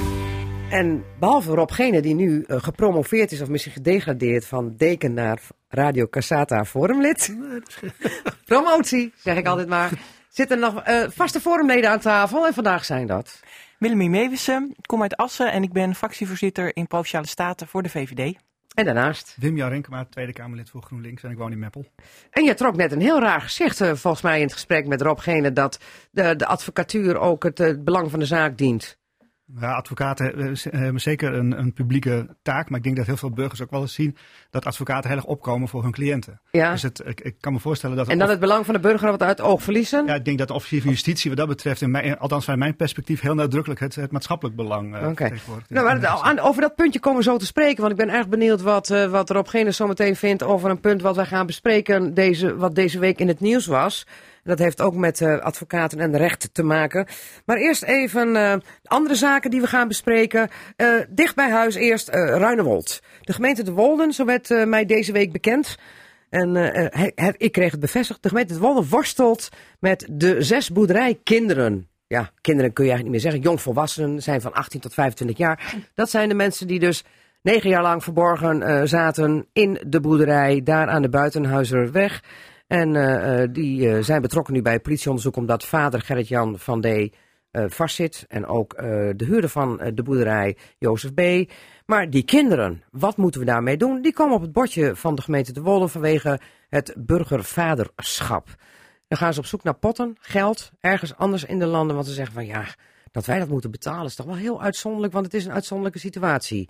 Hoe kijk jij daar tegenaan, Wim-Jan Renkema? Nou, ik denk dat eh, het ze- zeker een uitzonderlijke situatie. Het is wel zo dat voor de gemeente dat zeg maar jeugdzorg, maatschappelijke opvang, eh, maatschappelijk werk, dat is verantwoordelijkheid van de gemeente. Ja, Ik nou ja, en daar klotst het geld bepaald niet tegen de klim, maar- eh, plinten op. Nee, en, en ik denk dat iemand in de maatschappelijke opvang, hè, dus die thuisloos is, die, die kost ongeveer zo'n 25.000 euro per jaar. En dan heb je het eigenlijk over eh, zowel huisvesting, maar ook begeleiding. En gezien deze unieke situatie denk ik dat deze mensen nog veel meer gespecialiseerde hulp nodig hebben. Ja, want Dus- die hebben natuurlijk negen jaar afgesloten van de buitenwereld gezeten en die hebben begeleiding ja, nodig. dus heel uitzonderlijk. Dus ook een uitzonderlijke situatie. Ik weet niet of daar potjes voor zijn. Want, Maar is het terecht dat ze toch proberen om te kijken of er budgetten voor zijn? Want dat gaat natuurlijk enorm in de papieren lopen. Nou, ik weet niet helemaal zeker of dat terecht is. In het vorige uur ging het ook heel erg over de zorg in A en Hunsen bijvoorbeeld. Mhm. de, ge- de gemeenten hebben het op, op dit moment op hun bordje liggen. Dat is breed structureel wel een probleem in Nederland. Maar om nou te zeggen van nou, in deze situatie moet de provincie bijspringen of andere eh, fondsen, dat weet ik niet zo zeker. Jij zegt eigenlijk, gemeente De Wolde, hou je eigen broek op. Ja. Ja, Dit is van de gemeente. oké. Wat zeg jij, Willemien Meeuwsen? Ja, ik hoor net de provincie, maar nou, de provincie die betaalt eh, niet, niet voor zorg. Dus dat, dat, dat, Nou, dat zie ik ook niet zitten. Ik had in de wandelgang Maar gehoord dat ze ook een, aangeklopt eh, hadden bij de provincie. ja. Of die ook iets kon betekenen. Ja. Misschien wel in het pad richting Den Haag van help, ja, help. oké. Om te ondersteunen, nou misschien. Maar ja, hoe uitzonderlijk is dit? Er zullen ook wel andere mensen zijn die in de gevangenis terechtkomen, die kinderen hebben waar iets voor geregeld moet worden. Dus ik weet niet. Hè, het is natuurlijk op zich wel uniek, eh, de- situatie, maar soortgelijke situaties zijn er ook. En dan staat inderdaad de gemeente aan de lat. Het is wel zo dat de Wolde natuurlijk een vrij kleine gemeente is, waar, waar zulke bedragen meteen enorm aantikken. Ja. Ehm, dus uit dat oogpunt is er misschien iets mogelijk, maar ik zit daar onvoldoende in, ik weet het niet. Nee. En wat zeg jij dan? Nou, eh, juridisch onderlegd, Nou eh, we, Rob we- Gene? we- we zijn wel een kruideniersvolk. Hè. Ik bedoel, het gaat hier over een enorm drama. Zullen we daar eens mee beginnen? Ja. Dat in die gemeente heel lang dit heeft kunnen gebeuren. Nou, Hm. dat is een verantwoordelijkheid voor iedereen. En, eh, maar waarom heet de gemeente een gemeente? Dat is naar mijn idee ook omdat het een gemeenschap is. Een Mhm. afgebakende gemeenschap. En die heeft de gemeenschappelijke verantwoordelijkheid als gemeenschap voor de eigen inwoners, zou je zeggen. Nou, En- officieel zijn het geen inwoners, want ze stonden nooit ingeschreven. Nee, maar ze waren er wel en ze zijn er Ja. heel lang geweest. En- Juridisch dit. ja, nee, Ja. maar goed, nee, ja, je hebt gelijk, Margriet, maar even sociaal gezien Ja, ja, ja. heeft die gemeente gewoon een verantwoordelijkheid. En dan begrijp ik niet dat er nu door die gemeente kennelijk, ik weet niet waar het vandaan komt, een discussie wordt geopend over de centen. Zullen we het nou eerst eens even hebben over die mensen? En als dat geld kost, is dat de verantwoordelijkheid voor die gemeente. En uiteindelijk moeten die gemeentes met elkaar, dus dat via het VNG, de Vereniging Nederlandse Gemeenten, maar eens gaan kijken of ze daar iets anders voor kunnen gaan bedenken. Maar je hebt als gemeente gewoon de verantwoordelijkheid voor wat er in jouw gemeente gebeurt. En begin nog niet over het geld in deze situatie op dit moment. Ik vind dat niet echt fijn. Nou ben jij juridisch onderlegd. Nou lag er in dat huis bijna een ton aan eh, geld. Wat een beetje een eh, verdachte, uit verdachte hoek zou kunnen komen. Ehm, iemand eh, zei gisteren tegen mij via Twitter. Nou, er is toch geld in die boerderij, betaal het daarvan. Maar dat kan juridisch denk ik niet, hè? Nou, we kunnen heel creatief zijn natuurlijk met elkaar. Maar, Creatief boekhouden noemen we ja, dat. Dan zou die advocaat eens moeten vragen die erop zit. Maar die zit ook met het probleem dat, dat, dat er is heel veel beheersing van de communicatie over deze kwestie. Er is Ja. heel veel aan de hand wat ik ook niet weet. En, Nee. En, ehm, en, en dus als er inderdaad geld gevonden is, dan... Ja, nee, dat is bevestigd door de politie. Het dat- maakt dat- onderdeel uit van het onderzoek, want zij Ja. willen de herkomst. Er liggen- zijn geen bonnetjes bij, namelijk. Nee, nee, ja, goed. Dus ze willen de herkomst van het geld we- weten. Maar iemand Zeker, zei van, eh, ja. dan is het toch opgelost? Nou ja, dat- nou ja misschien, misschien kan je er wel wat mee doen. Maar dan moeten er eerst wel even wat stapjes genomen worden. Oké, Maar- goed. Maar i- i- i- jullie zijn eensgezind. Jullie vinden het allemaal dat het zaak is van de gemeente. Gewoon ehm, ehm, niet lullen, maar poetsen. ja, zo is het. Even plat gezegd. Ja, zo is het. Nou, iedereen knikt instemmend. Ehm, ehm, het zwijgrecht. Nee, oh, ja, jij hebt er wat moeite mee, Willem? Nou ja, ik- wat, wat ik net zei, het is een kleine gemeente. En als Ja. dat, als dat heel erg disproportioneel is qua, qua hoeveelheid geld, dan, dan vind het ik het wel kan- netjes om samen, want ze, ze werken ook samen met buurgemeenten, om te kijken of dat samen opgelost kan worden. Dat lijkt mij Goed. verstandig. Eh, eh, iets heel anders. Het heeft te maken met het recht en advocatuur en zwijgrecht. Want ehm, deze week eh, eh, was de zaak Nicky Verstappen in het nieuws. Jos B. bleef zich woensdag, dat is de verdachte, eh, zich herhaaldelijk beroep op het zwijgrecht. En toen kwam landelijk een verzuchting van... Waarom mag dat? Want dat leidde tot grote frustratie bij nabestaanden het Openbaar Ministerie. We hebben het hier in de rechtbank Assen ook vaak genoeg meegemaakt dat verdachten zich beroepen op het zwijgrecht, waardoor nabestaanden eigenlijk niet weten hoe hun dierbare aan het eind is gekomen. Hè? En die gaan dan echt met een ontzettend ontevreden, verdrietig gevoel naar huis omdat zo'n verdachte zich eh, mag beroepen op het zwijgrecht. Hoe kijk jij daar tegenaan? Moet, Ja. daar, moet dat eens ter discussie worden gezet? Want we hebben inmiddels ook hè, de slachtofferverklaring is erbij gekomen de laatste Ja, tijd. ik, ik begreep dat je dat aan de orde stelt. Dus ik ben ook heel blij mee. Eh, kijk, je moet een onderscheid maken tussen een verdachte en iemand die veroordeeld is. Je kan van iemand die verdacht is niet zeggen dat je die moet behandelen als een veroordeelde. Dus als degene die het gedaan heeft. Maar als hij eenmaal veroordeeld is, dan hoeft is hij niks meer. Dan Nee. hoeft hij niks meer, Nee, dan nee, zwijgt hij ook. Ja, tot je dienst. Maar je kan een verdachte, die nog steeds verdachte is, niet dwingen tot spreken met slachtoffers alsof hij de dader is. Dat zijn toch twee verschillende grootheden. Maar dan zit hij in de rechtbank. eh, die rechtbank zit vol. Iedereen heeft de persoon Ja. gekend die om het leven is gebracht. En niemand, niemand weet hoe het gebeurd is. En dan zegt die verdachte, ik beroep me op mijn zwijgrecht. Ja. Zolang iemand verdacht is, heeft hij het recht, godzijdank, Ja. in de wet verankerd, dat hij zich niet hoeft, dat hij niet hoeft mee te werken aan zijn eigen veroordeling. Eh, Dat is het recht wat iedereen in dit land heeft. En dat is een heel goed recht. Ja, en, En daar hoort zwijgrecht bij. Dat je, Mm. je hoeft niet jezelf te incrimineren, heet dat dan. Je hoeft jezelf niet te belasten met een eigen verklaring. En bovendien, wat zou je dan willen horen? Maar kijk, toch even. hoe iets gebeurd is en waarom hij of zij het gedaan heeft. ja, maar zolang niet vast staat of hij het gedaan heeft, kan je moeilijk zeggen, jij moet van je zwijgrecht af. Oké, maar als er nou een bekentenis is dan? Dat is wat anders. Als er een bekentenis ligt, zou je kunnen zeggen. Maar ook, ook met een bekentenis alleen ben je nog geen, eh, niet veroordeeld. Hè? Eh, op de bekentenis alleen kan iemand niet een veroordeling krijgen. Nou, onvermijdelijk DNA-sporen. Nou ja, nee, Kan niet anders zijn Als er dat. een uitspraak is van een rechter, Margriet, Ja, en hij is veroordeeld en tot Ja. een hoogste instantie staat dat vast, dan, Ja. ben, je, dan ben je dus de dader ja. op dat moment. maar dan, dan, dan, is het verhaal nog Ja, altijd zeker. Maar, maar niet verteld. Wat wil je dan? Dan- dan? Wat wil je dan horen van, van degene die het gedaan heeft? En denk je dat diegene die het gedaan heeft, die dan dader is en die dan zou moeten spreken, wat zal die zeggen? Zal die zeggen wat je wil horen? Of zal die echt zeggen oprecht wat hij meent? Dat weet je niet. Hoe het gegaan is. Nee, ja, hoe het gegaan is. Maar ook dat is dan nog maar een verhaal. Wat iemand jou vertelt. En of dat het juiste verhaal is, weet je ook niet. Nou, goed. Het is wel duidelijk hoe jij erover denkt, eh Ja. Roggene. Eh, niet aan tornen. Wat zeg jij, Willemien Meeuwsen? Ja, nou ja, kijk, eh, toen we dat allemaal nog niet zo hadden afgesproken met elkaar, toen gingen we mensen folteren om een bekentenis te krijgen. Ja, heeft ook- Radbraken. Heeft ook Het zo museum zijn moet je eens gaan kijken. heeft ook zijn nadelen, zeg Ja. maar. Dus ja, het is, het is heel ingewikkeld. Eh, en, maar volgens mij is het wel zo, maar dan kijk ik maar even naar links. eh, als, eh, dat als, als eigenlijk het bewijs wel uitwijst dat, dat, dat iemand de dader zou Mhm. zijn. eh, en hij, hij zegt nog steeds niks, dat de rechter dat meeweegt. Omdat hij dan ook denkt van, nou, dit is ook iemand die toont geen berouw. Die toont. Hè, de kans op dat hij het nog een keer gaat doen wordt dan waarschijnlijk groter geacht. Dus Mhm. dan komt dat wel terug in de strafmaat. Dat Is het inzicht is en dat berouw van een verdachte, Ja. uiteindelijk in het kader van een veroordeling, dat, dan wordt hij dus dader, zeg maar, dan Ja. heeft hij iets gedaan, de veroordeelde. Dan, dan kan dat een factor zijn. Maar als advocaat wijs je daar een cliënt ook op. Ja. Van, eh, Ja. Je kan het doen. eh, en je geeft ook Het, aan het wat zou de zaak helpen als u vertelt hoe het in elkaar steekt, want anders nemen we het mee in de veroordeling, wordt Het wel eens gezegd. Je moet erop wijzen dat dat inderdaad... een- ik geloof niet dat de rechters daar echt een zwaar gewicht aan hechten. Maar, maar het, het kan een factor zijn. Ja. Hm. Nou ja, als je natuurlijk helemaal niet weet of iemand het gedaan heeft, dan, ja, dan helpt het weer niet natuurlijk. Maar eh, eh, kruip in de huid van de nabestaanden. Die zitten naar zo'n zaak te luisteren en dan horen ze twintig keer achter elkaar, ik beroep mij op het zwijgrecht, elk moment als de rechter iets vraagt. Ja, dat, kijk, Snap je de frustratie? De frustratie bij nabestaanden die is, die is verschrikkelijk. Want eh daar zit iemand waarvan vermoed wordt dat hij de dader is Mhm. en je hoort helemaal niets. Dus het lijkt mij voor nabestaanden het eigenlijk het, het, het ergste in deze hele situatie. Overigens ook voor een rechter, want de rechter is ook uit op waarheidsvinding. Ja, maar dat is dus juist wel officier- Ja, waarheidsvinding. die hoort wel de officier van justitie dingen zeggen, die hoort de advocaat van alles zeggen. Maar degene waar het over gaat, die, die blijft zwijgen. En dat, is, dat lijkt mij voor, eigenlijk voor alle partijen heel frustrerend. De andere kant is, en het is al gezegd, je hoeft niet mee te werken aan je eigen veroordeling. Dus een verdachte die heeft dat zwijgrecht, hebben we vastgelegd in Nederland, overigens ook in het Europees Verdrag voor de Rechten van de Mens. Daar moet je niet al te snel aan gaan tornen. Maar dat die frustratie groot is, eh, dat is evident. Dus wat jullie betreft gaan we dat niet ter discussie stellen. Nee, nee, dan zit je aan, aan hele grondrechtelijke dingen te, te, te peuren. Dat moet je niet doen. Oké. Er is nog wel één ding dat ik denk van ja, er zijn, dat is ook wel duidelijk geworden, er zijn ook veel fouten gemaakt in, in deze zaak. Al, al, al zeg maar toen, toen het allemaal net bekend werd. In deze zaak Nicky Verstappen. Ja, want en, en dat betekent dat iemand heel strategisch kan denken van nou, laat maar eens zien wat voor technisch bewijs het is. Ik doe geen enkele uitspraak. En dat vind ik dan, eh, eigenlijk moet je weer terug naar, naar, de- naar het onderzoek om te kijken van ha- hoe had dat nou anders kunnen gaan. Ja. Eh, Daar toch nog één ding over als het mag, eh, heel kort. Eh, kijk, waarheidsvindingen, dat is, dat is iets anders dan de waarheid. In strafzaken is waarheid niet datgene wat iemand verklaart. Dan is de waarheid datgene wat volgens een bepaalde stramien, volgens een bepaalde procedure, wordt gevonden. Dus er er komen feiten uit een heel proces en die feiten worden gewaardeerd. En of dat de waarheid is, zal niemand weten. Soms zal het wel zo zijn, maar dat is in essentie niet waar het in het strafrecht om gaat. Maar je wil die, wa- die echte waarheid Ja, wel benaderen. en ik snap me. de emotie van degene waar die de slachtoffer in. Nou, en of ik dat snap. Maar we hebben met elkaar een geobjectiveerd systeem afgesproken. Ik zeg En- dan, eh case closed, hier moet u het mee doen. Ja. Ja, ja. Eh, het volgende, Pauperparadijs.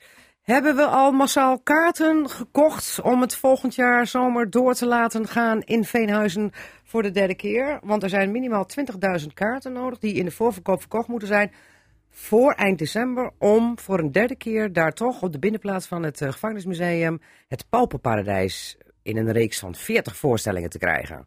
Al gekocht, eh Rob ik, ik heb er helemaal niet over nagedacht tot vandaag. Maar ik vind het heel belangrijk dat dit soort cultuurvormen bestaansrecht krijgen. En als wij er als burgers, en daar ben ik er ook een van, naar een bijdrage kunnen leveren, ga ik zeker kaarten kopen. Mhm. Ben je nog niet geweest? Nee, nog niet geweest. Foei! Nee, nee. nee. Oké. Maar er zijn heel veel mensen, waarvan de burgemeester eh, van Noorderveld, eh, Klaas Smit, zei... Ik heb zoveel mensen gesproken die er spijt van hebben dat ze niet zijn geweest. Dus die 20.000, Ja. ik twijfel er niet aan of ze komen. Eh, Wat zeg jij, Willemien Meeuwsen? Nou, ik ben zelf al twee keer geweest. dus of ik nu een derde keer ga, dan Twee keer in. Veenhuis of ook toevallig in Carré? Nee, nee, twee keer in Verhuizen. Mhm. nee, mijn dochter speelde mee, dus dat hielp natuurlijk ook om een tweede keer te gaan. Oh. En zij is wel ook naar Carré geweest. was wel heel anders, zei ze, qua, qua voorstelling Ja. en qua, qua gevoel. en Hele zo andere ambiance heb ik Je gehoord. zit daar natuurlijk binnen en, en, Mhm. en hier zit je midden in, in dat carré van Veenhuizen. Dat is natuurlijk heel anders. Nou, het is echt super gaaf. Dus ik vind het heel, heel fantastisch dat het nog een keer gaat Ho, gebeuren. het gaat nog niet door, hè? 20.000 Oh, dat wel kaarten. in Ja, denk dat je gaat dat wel echt? lukken, ja, dat denk ik echt wel. Ja? Als je ziet hoe, hoe dat snel dat vorige keren ging, ik geloof dat echt Nou, vanuit het hele land. Ik ben zelf Ik ook zo'n dat dat Drent die de eerste keer dacht van... 40 voorstellingen, 1000 kaarten per voorstelling. Nou, dat moet ik nog zien. Ik kijk wel eens even hoe het loopt. En daarna viste ik dus echt achter Ja, het net, hè? De eerste, eerste jaar. Dat ging heel snel. Alleen, men koopt heel laat vaak. Ja. En daarvan kun je je afvragen, ik weet niet hoe jij erover denkt, Wim-Jan Renkema. Men wacht toch altijd toch een Ja, beetje maar je tot het laatste moment. Ja, maar dan willen we zeg Oh, ja, vroegboekkorting. Dat, dat was ook eh, vorig jaar eh, Oh. in, eh, da- bij de andere voorstelling. Ja, toen had ik ook al heel vroeg van tevoren geboekt. Dat scheelde weer 20 euro, zeg maar. Oh, oh, zoveel wel? Ja, het scheelde veel. Oké, en, en ben jij nog geweest, Wim-Jan Renkema? Dat laatste heb ik ook gedaan. Dat ging volgens Je mij wel via, geweest via, dus. via een van de regionale kranten. En ik denk van meteen een kaartje kopen. Ja. En ik verwacht ook dat die 20.000 kaartjes echt wel weggaan. Want Ja. het is een geweldige voorstelling. De kolonie van weldadigheid komen steeds meer in de spotlight te staan. Ik denk dat het echt iets wat Drenthe mee kan scoren. Want er is nog iets. Als het goed gaat, en dat zeg ik nadrukkelijk als, is namelijk hè, hè, volgend jaar juli het eindelijk zover dat die felbegeerde erfgoedstatus, werelderfgoedstatus van UNESCO afkomt. Twee jaar geleden ging het mis. Toen hadden ze het ook al verwacht. En nu zou het dan wel een mooie combinatie zijn. Want Klaas Smit zei, het is geweldig, want dan heb je meteen het verhaal hoe het zo gekomen is. Ja, mooie combinatie. Ja, ja. super. Ja. En met het nieuwe museum, wat, eh, wat nu echt, ook wat ja. echt een... In Vrede, nou, ja. dat is Frederikssoort, hè? Ja, maar goed, dat, dat, dat, dat hele gebied en daarmee eigenlijk zo de, onze cultuurgeschiedenis van Drenthe, om dat zo in de spotlight te zetten, dat zou natuurlijk prachtig zijn. Dus ik ga opnieuw kaartjes kopen. Goed, mocht het nou zo zijn dat het net niet lukt, vinden jullie dan toch gezien het belang van Pauperparadijs voor de gemeente Noorderveld en de provincie Drenthe, dat er dan misschien toch een financieel steuntje in de rug gegeven moet worden? Ja, zonder meer. Ik bedoel, we, volgens mij geven we ook een beetje geld aan het Eurosong Festival. Weet je? Dat moet dan wel landelijk betaald worden. Ik denk als er één onderwerp is waar de provincie eh, cultureel wat geld aan zou kunnen geven, dan is het eh, aan dit soort Nou, we voorstellen. hebben in ons um, provinciaal programma hebben we ook staan dat we elk jaar een grote voorstelling in Drenthe willen. Kijk, en of- dat dan deze is of een andere, dat weet ik dan nu Maar even volgens, niet. mij, volgens mij staat bij de provincie op de rol een grote voorstelling rond 75 jaar bevrijding. Ja, dat en is was ook het waar. Pauperparadijs niet aan Ja. de beurt, dan moeten ze het nu Ja. echt zonder provinciaal Maar geld doen. wat ik daarmee bedoel is dat, eh, dat het dus zeker eh, dat we dat belang onderschrijven en dat Ja. we dat belangrijk vinden. Dus tegen die tijd zullen we wel eens even kijken. Dus Kees Bel, maar eigenlijk denk ik, het is niet nodig. het is niet is nodig. niet je gaat er niet vanuit. En wat Nee. denkt erop gene? Eh, ik weet niet of het niet nodig is, maar ik ga kaartjes kopen. Ja, en ik vind, oké. echt- ik vind het heel belangrijk dat een dergelijk Goed. cultureel instituut er is een plek En als, vindt. en als het nou net niet lukt, is het dan, vind jij, nodig dat de gemeente Noorderveld en de Ja, provincie Drenthe dat Dan steuntje moet de geven? overheid wel helpen. Ja. Oké, goed. Even heel kort tot slot. De, eh, een plan voor verplichte tegenprestatie voor de bijstand. Het is niet zo dat je handje contantje gewoon geld eh, ontvangt en niks meer hoeft te doen. Het kabinet wil dat alle gemeenten invoeren dat iedereen die geld vangt als uitkeringsgerechtigde er iets voor terug moet doen. Eh, eh, een scholingstraject volgen, vrijwilligerswerk. In ieder geval handen uit de mouwen, want voor niks gaat de zon op. Even heel kort, Wim Renkema. Ontzettend slecht plan. Het Sociaal Cultureel Planbureau heeft deze week geëvalueerd en geconcludeerd. Sancties, prikkels, tegenprestaties, het, het werkt allemaal niet. Dus het is eigenlijk bizar dat het kabinet ervoor kiest om er toch nog een verplichting op te leggen aan gemeenten om dat dan wel te doen. Aantoonbaar slecht beleid. Ja, maar ze willen het wel. Moet er nog in de Kamer? eh, Aanstaande, aanstaande woensdag en donderdag dan debatteren we over de begroting van sociale zaken en werkgelegenheid. En ik weet wel waar ik het over ga hebben. Ja, dat snap ik. Maar volgens mij eh, zitten jullie in de minderheid. Ja, alleen de coalitie wil dit. Dat Ja. zijn de 75 zetels. Nou, dan gaat het toch moment- door? Ja, dat zou kunnen. Dat betekent dat we daar in de toekomst eh, een, een behoorlijke koerswijziging zullen moeten hebben. Naar veel meer vertrouwen en veel meer ruimte voor mensen. Want dat blijkt wel te werken. En er is gewoon echt onderzoek naar gedaan dat sancties niet werken. Ja. En ruimte geven aan mensen wel. We hadden toch ook gemeenten, Willem Meeuwsen, die eh, uitkeringsgerechtigden de bollen lieten pellen? Ja, Verplicht? Ja, Een paar jaar geleden? Trams Nou ja, dat, is, dat, is, eh, dat is ook wel een rel geweest en dat is inmiddels weer opgelost. Ja. Maar, maar op zich, het wordt natuurlijk met- wordt meteen geframed door de oppositie eh, eh, wat de staatssecretaris gezegd heeft. Maar wat ze eigenlijk heeft gezegd is iedereen moet meedoen. We willen graag iedereen een kans geven. Eh, mensen mogen zich niet afgeschreven voelen. Het kan niet zo zijn dat je jaar in jaar uit niet door de gemeente Oh. gezien wordt. Als je in een uitkering zit, je moet gewoon minimaal één keer per jaar langskomen om te kijken wat, wat heb jij nodig. En is dat nou ja, hè, kan je aan het werk, hartstikke mooi, maar misschien heb je wel heel veel schulden en moet je eerst een schuldhulpverleningstraject. Misschien spreek je de taal niet, moet je een taalcursus doen. Er zijn heel veel mogelijkheden die helpen om de mensen mee te laten Oké, doen. En dus met dat is andere de woorden, niet intentie- achteroverleunen in de dat stoel. En moet, is de ze moeten toch intentie uit van de komen. staatssecretaris. En eh, nou ja, om samen te kijken wat is voor deze persoon nodig Hmm. om, om mee te doen en niet afgeschreven te worden. Oké, en wat zeg jij nou, Rob Gene? Hoe zie jij het? Nou, ik vind het eh, een, een hoger gehalte van mensonwaardigheid hebben deze plannen van het kabinet om het zo te doen. Ik vind het gewoon niet kunnen. Eh, het is weer de zoveelste incidentele maatregel gericht op verkiezingsgunst, naar mijn idee.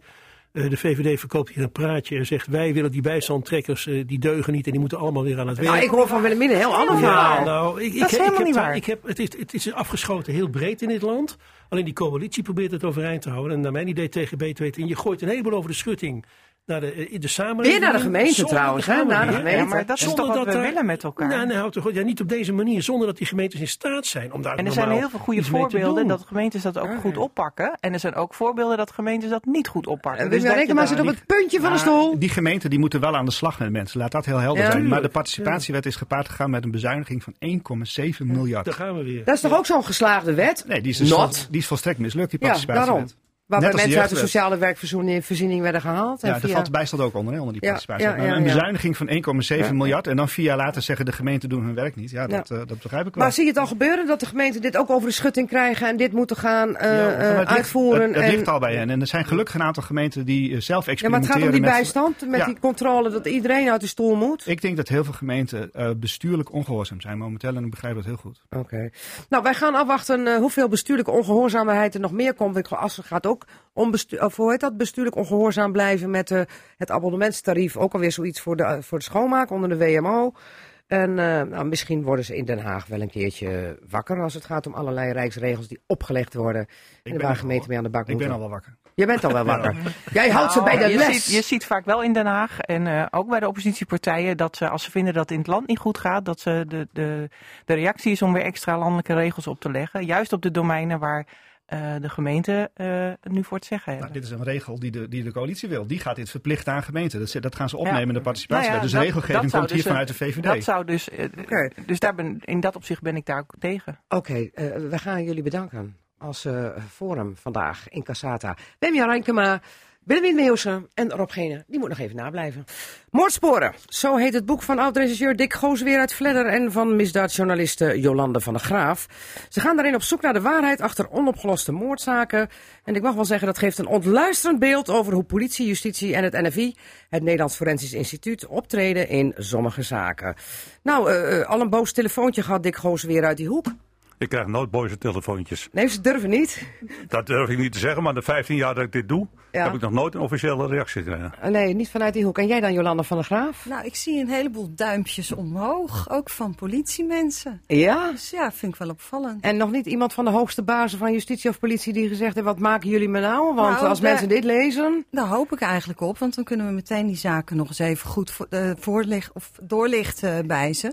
En eh, vooral ook wijzen op eh, één zaak waarvan wij vinden dat die eh, absoluut eh, heropend moet worden. En zeg meteen maar even welke zaak dat is. Larissa Dumont. Ja, dat is een, eh, een, eh, een dame die met eh Diane Weston riding doet. Ja.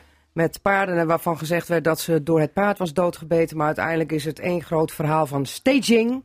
En dat eh, houdt in dat het vermoeden is dat eh, de vriend eigenlijk de dader is. Want, nee, Oh, dat nee. ze vermoord is. Nou ja, de dader is van de moord. Ja, ja dat ze vermoord is. Oh, dat, mag ze, niet dat zeggen. ze vermoord is. Wij Oké. wijzen geen daders aan. Daar Nou. zijn we niet voor. Oké, goed. Ehm, ik, ik ga alweer te ver. Eh, er is een verdenking in de richting, maar ze moet eerst eens even bepalen dat het moord is. Precies. En er niet omheen draaien en weer allerlei andere verhalen verzinnen. eh, wat het allemaal geweest kan zijn, Ja. wat het niet geweest kan zijn. Eerst vaststellen wat er gebeurd is en dan pas gaan kijken wie dat gedaan zou Dick Goosweer houdt je altijd bij de les. Zo is dat. Zoals het hoort. Eh, eerst nog even naar Rob Gene, speciale tafelgast van vandaag. En Rob Gene is de deken van de Orde van Advocaten in Noord-Nederland. Ja, no een mond vol zeg. Ja, ik zei het net niet goed. Ja. Noord-Nederland.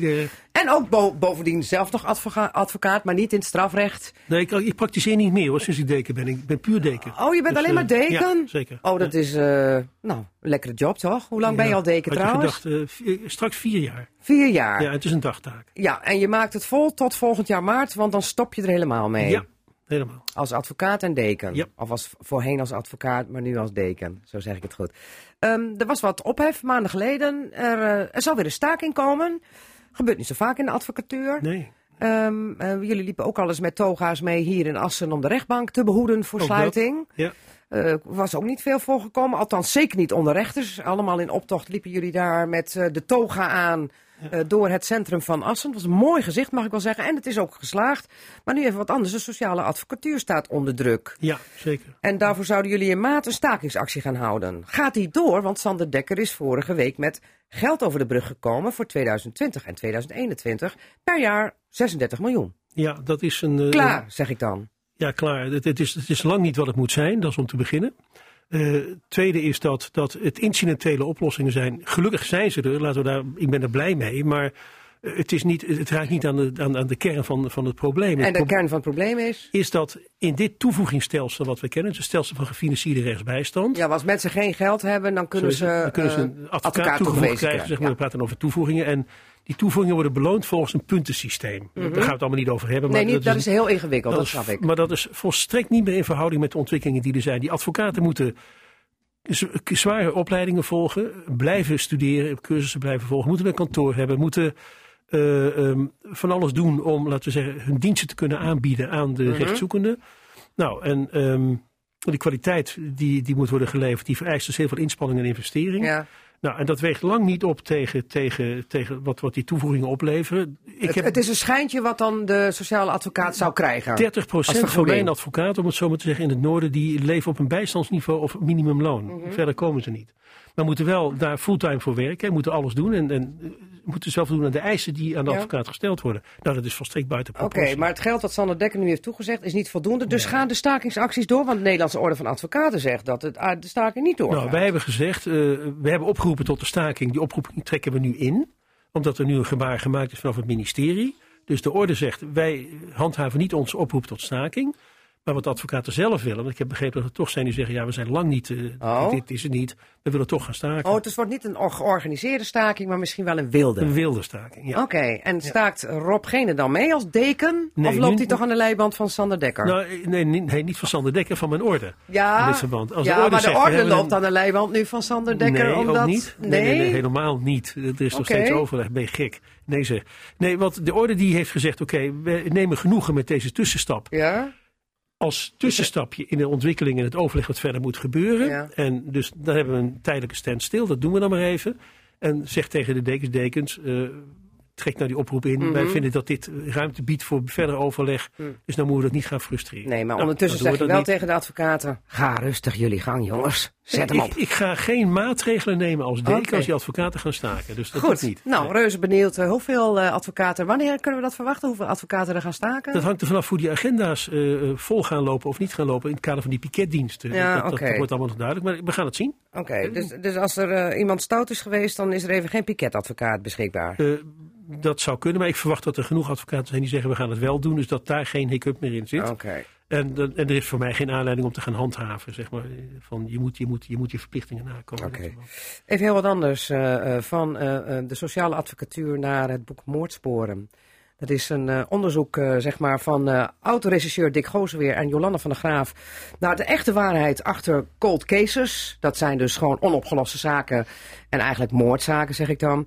Eh, Jolanda van der Graaf is eigenlijk de schrijfster en Dick Gozenweer is eh, eh, degene die op de achterhand met zijn expertise als eh, eh, 40 jaar politieagent en de recherche ehm, eh, zeg maar heel Ja. veel onderzoeken begeleid heeft. Ik doe dit nu een jaar of 50, ja. Ja, 50 zelfs. Ja, inmiddels wel, ja. Ja, ja, ja, ja. Ehm, eh, die eh, speelt op de achtergrond dan een hele belangrijke rol. Dat zie je ook op de cover van het boek, want Jolanda van der Graaf staat op de voorgrond.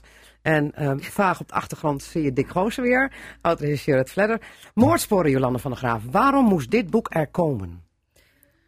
Nou, ik denk dat het er moet komen omdat nu toch echt eens een keer duidelijk wordt eh, wat er gebeurt in zulke zaken. En waarom sommige zaken een cold case worden. Want over het algemeen gebeurt dat niet voor niks. Eh, en heeft het gewoon te maken met eh, slecht politieonderzoek wat er ge- gebeurd is. En het probleem is dan ook als nabestaanden zien dat er dingen zijn fout gegaan. En ze schakelen ons in of andere mensen. Mhm. en die signaleren dingen en dragen dingen aan. Eh, dan zijn politie en justitie vaak nog steeds niet genegen om een onderzoek te heropenen. Of als dat heropend wordt, om dat dan ook grondig en goed te doen. Ja, Eh, want- en want- dat is natuurlijk, ja, dat vinden wij zorgwekkend, want dan is er toch wel sprake van onwil. En wij vonden dat we dat in eh, moordsporen aan moesten kaarten, hoe het gegaan is. Ja, het zijn zes cold cases die daarin eh, behandeld worden. Helaas niet eentje uit de Drenthe. Nou, aan de andere kant kun je ook zeggen gelukkig. Maar er is natuurlijk wel een, een zaak die nog altijd speelt. En eh, dat is die van Willeke Dorst, de vermissing. Eh, is dat nou ook, Dick Goosen, weer zo'n zaak? Want je hebt dat al eens een keer eerder gezegd. Is zo'n zaak waar in het begin van alles mis eh, is gegaan... waardoor je misschien die zaak al veel eerder had kunnen oplossen? Maar Willeke Dorst staat niet in het boek. Nee. Omdat er geen... Ja, je moet keuzes maken. Maar Ja. Willeke Dorst heeft alles in zich. Er, Ja. Daar is werkelijk niets goeds in gegaan. Nee. En daar zie je ook hetzelfde. Dat als in de loop van tijd criticasten komen, waaronder ik zelf ook, en goed onderbouwd aan, aan zeggen van jongens, dit deugt niet.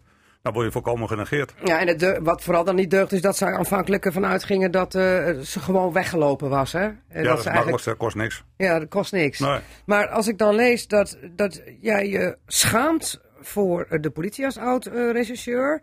en dat je eigenlijk zegt van ik vind het gevoelloos en zelfs onbeschoft hoe ze naar nabestaanden reageren. Ja, niet altijd gelukkig. Maar als je bij ons eh, voorbeelden hebt de verdwijning van scheepskok Wim Kwak en van uh, Adrie Knops. Als je ziet hoe die familie en die weders nabestaanden behandeld zijn door de politie. Ja, dan is onbeschoft is het uh, gewoon het goede woord. Ja. Dus het is niet alleen dat men geen goed onderzoek wil in, maar gewoon de bejegening. Die slaat werkelijk alles. Noem eens een voorbeeld van, bejegening. Nou ja, Waarbij kijk, je zegt van, daar schaam ik me echt kapot voor. Nou, Anneke Kwak die werd dan, mocht dan uiteindelijk na heel veel jaren, mocht hij dan bij de politie komen, bij Cold Case in Rotterdam. Ja, voor duidelijkheid, leg, want niet iedereen heeft op het netvlies wat de zaak kwak is. Adrie Kwak was, uh, was een, Wim Kwak was een scheepskok. Die maakte zijn laatste reis. Zijn vrouw ging mee. Daarna zou hij met pensioen gaan, huis gekocht, grond, of grond gekocht, huisje bouwen zou open worden. En die verdwijnt tijdens het eten koken van een schip. Ja. Nou, als je ziet wat er, wat, hoe dat daarna gebeurd is, hoe ze door de maatschappij behandeld is. Die hebben er op een Net Lloyd was de boot Ja. waar ze op eh, voer. Die hebben haar ergens op een eiland afgezet.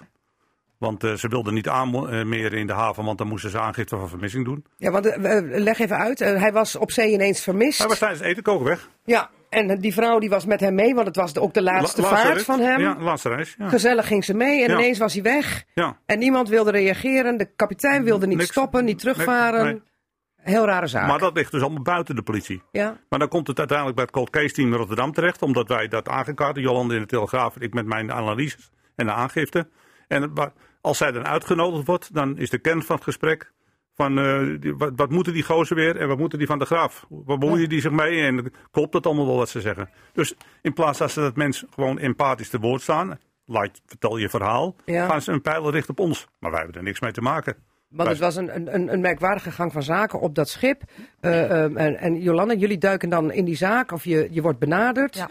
Hoe gaat dat? Zo'n zo'n eh, vrouw, een vrouw Kwak komt bij jou terecht en die zegt dan van... eh, Ja. er zijn toch zaken gebeurd daar aan boord... Ja. waarvan ik me afvraag of dat niet merkwaardig is... en hij is niet zomaar overboord gevallen. Klopt, ja. ja. Eh, er zijn in deze zaak eh, toch wel heel veel aanwijzingen dat hij het slachtoffer is geworden van de internationale kooksmokkel. Eh, er was eh, een dag van tevoren ook een inval geweest in Liverpool eh, door de douane die op zoek zijn geweest naar een partij eh, cocaïne. Later heb ik een informant eh, uit dat circuit gesproken en die zegt ja, aan boord van dat schip zat in die tijd een partij cocaïne verstopt in de kombuis eh, van eh, de Netloid-boot. Dat was precies de werkplek van de verdwenen man, hè, van de scheepskok, van Wim Kwak. Dus waarschijnlijk heeft hij iets ontdekt aan boord. Heeft hij dat bij de kapitein of bij een ander bemanningslid aan de orde willen stellen. En is hij lastig geweest. En wij denken dat hij een duwtje heeft gekregen. Ja, en dat het, dan is het moord natuurlijk. Alleen Ja. dan zegt de politie, Dick Gozer weer geen lijk, geen zaak. Ja, dat is een korte samenvatting. Ja, Ja, ja. nee, maar dat is gewoon zo. Hij zal, hij zal wel zelfmoord hebben gepleegd. En als er dan. eh, er was bijvoorbeeld een vrouw aan boord, die heeft een dagboek geschreven. Een vrouw van een ander bemanningslid. En die heeft juist in dat dagboek beschreven hoe vrolijk hij was, hoe blij hij was met zijn laatste reis. En dan zet de politie rustig in het procesverbaal dat er eh, aanwijzingen waren dat hij eh, depressief was, dat hij zelfmoord wilde plegen. Ja, wij noemen dat thuis gewoon liegen. Mm. En dat zie je dus heel vaak in dit soort zaken. Maar eh, dit, he- dit boek, hè, dat ademt echt een sfeer uit van, als je dat dan leest, die zes zaken, hoe dat dan gegaan is. Eén zaak daarvan, hè, Johanna Noordlink uit Aal- Noordink. Noordink, sorry, Ja. Noordink uit Aalten. Eh, eh, die zaak is uiteindelijk opgelost, want dat dachten ze ook van, nou, die, eh, die, vrouw is opgelost, weg, weggegaan. maar die bleek uiteindelijk vermoord, maar dat wilden ze ook niet aan. De andere zaken zijn nog steeds onopgelost. Maar je hebt toch wel zoiets van politie, justitie, NFI, hè, Nederlands Forensisch Instituut. Wat maken jullie een fouten? Ja, ja, dat zie je bijvoorbeeld ook bij een andere zaak in de buurt van Rotterdam. Dus de verdwijning van Adrie Knops. Nou, daarin heeft eh, de weduwe en de kinderen... die hebben te horen gekregen een paar jaar later van de politie... van ach joh, wat zeuren jullie nou eigenlijk? Hij zal er wel met een vriendinnetje of met een schandknaapje vandoor zijn. Terwijl er gewoon geen onderzoek is gedaan in deze zaak. En er heel veel aanwijzingen zijn voor een misdrijf. Ja. Op een gegeven moment wordt eh, de auto teruggevonden waarmee hij van huis is gegaan. hij moest even een testritje maken, hè, want er was iets kapot in ja. de auto. Ja. Ja. dan wordt die wagen die wordt teruggevonden. En de familieleden dringen dan bij, bij de politie aan op sporenonderzoek. Dat is natuurlijk logisch, hè? Mhm. Eh, DNA, vezels, eh, haren, eh, vingerafdrukken. En dan zegt de politie gewoon knoerhard van... nou, het heeft helemaal geen zin hoor om dat te doen. Want die sporen die zijn... het is zo warm nu, het is midden in de zomer. Dus die sporen die zijn, eh, die zijn gesmolten. Ja, door de zon uh, waren Ja, ze als sneeuw voor ja. de zon verdwenen, Verdampt. zeg maar. Ja, Ja. verdampt. Ja. En, en dat klopt eigenlijk helemaal niet, Dick Gozenweer, hè? Want dan kun je juist nog wel sporen vinden. Nou, je kunt wel zeggen dat dit volkomen onzin is. Het Oké. is zelfs sterker nog, met, als ze verdrogen, dan worden vingersporen beter zichtbaar. Alleen je kunt ze niet op de normale manier met folie eraf halen. Moet je foto's maken. Ja. Maar dan heb je nog betere sporen. Ja. je. Andere omstandigheden. Maar als je het boek leest, dan denk je, ik vind het een aanklacht. Het is een aanklacht richting justitie, politie. Is het zo ook bedoeld, Jolande? Nou, het is vooral realiteit. En als dat een aanklacht is tegen politie en justitie, dan is dat iets waar die, die instanties zich iets van moeten aantrekken, Ja. naar mijn idee. Ja, maar jullie hebben het natuurlijk geschreven, eh, Dick Gozenweer, met de bedoeling dat de instanties zich er iets van aantrekken. Tenminste, eh, want anders blijven nabestaanden op deze manier maar van het kastje naar de muur eh, het eerste lopen. doel is om het op te nemen voor de nabestaanden. Ja. Want niemand luistert naar hen. Dat is het eerste doel. En dan hopen we dat, er ook, dat mensen dit lezen en denken, ja, dit zou eigenlijk niet zo moeten kunnen. Want die nabestaanden die komen bij jullie terecht, omdat Precies. ze namelijk nergens anders terecht kunnen. Precies als ze horen bij de politie, niet bij mij thuis in Verledden. Nee. Maar omdat ze bij de politie zo onheus worden bejegend, zoeken ze andere wegen. Nou, dat is Jolanda geweest toen ze voor de Telegraaf werkte. Ik doe dat omdat ik bij de politie heb gewerkt en wel eens in de publiciteit kom. Maar het is niet de goede weg. Nee. Dit is een taak voor de politie. Ja, maar dan, dan bemoeien jullie met zaken en dat wordt jullie dan niet in dank afgenomen. Maar ja, goed, ze kunnen je niet meer ontslaan, want dat ben je toch al. Ja, zijdeur ja. af. en, en, en, maar dan denk ik toch wel van, het is toch eigenlijk triest dat mensen dan bij jullie aan moeten kloppen, Ja. omdat er bij justitie en politie geen wil is. Onwil. Het is een combinatie van domheid en onwil. Domheid en onwil. Domheid en nou heb je zelf zo lang bij de politie gewerkt. Is daar altijd sprake van onwil en domheid? Nou, ik hoorde van de week een politievoorzitter zeggen met een eh, politiebond. Die zei, daar herkennen geen slechte politieagenten. Nou, ik moet hem teleurstellen. Het gros is goed. Maar er werkt- ook thuis bij de politie een ongelofelijke domboos. Mhm. En dat Ja. zal een minderheid zijn, dat is een minderheid. Maar ze werken er wel. Ja, maar goed, als je in het boek eh, eh, ziet hoe eh, men omgaat met onderzoeken. En hoe man liegt ook, hè. Dat, Ja, ja en, en waar, waar- waarbij ik denk van nou goed, ik, ik, je hoeft er geen, eh, op een sigarenkistje kun je uitrekenen dat er iets meer aan de hand is dan wat de politie hier nou eh, Ja. eh, zegt. Nou ja, dus, er is een zaak hier in Assen geweest. Hij staat niet in het boek, maar hij had hier zo ingekund. En dat is de zaak van Chanel Naomi, Naomi Eleveld. Eleveld, ja. 1999, klein meisje, Ja. eh, is aan het buitenspelen. eh, wordt dan benaderd door haar buurman. Eh, kind verdwijnt, ouders gaan zoeken. Kunnen het meisje niet vinden. Maar haar broertje heeft gezegd, de buurman heeft haar aangesproken. Als de politie in de systemen had gekeken, hadden ze geweten dat dat Jan eh, S. was. Ja. Een, eh, een pedofiel, Ja. een hele gevaarlijke man. Al eerder veroordeeld. Klopt.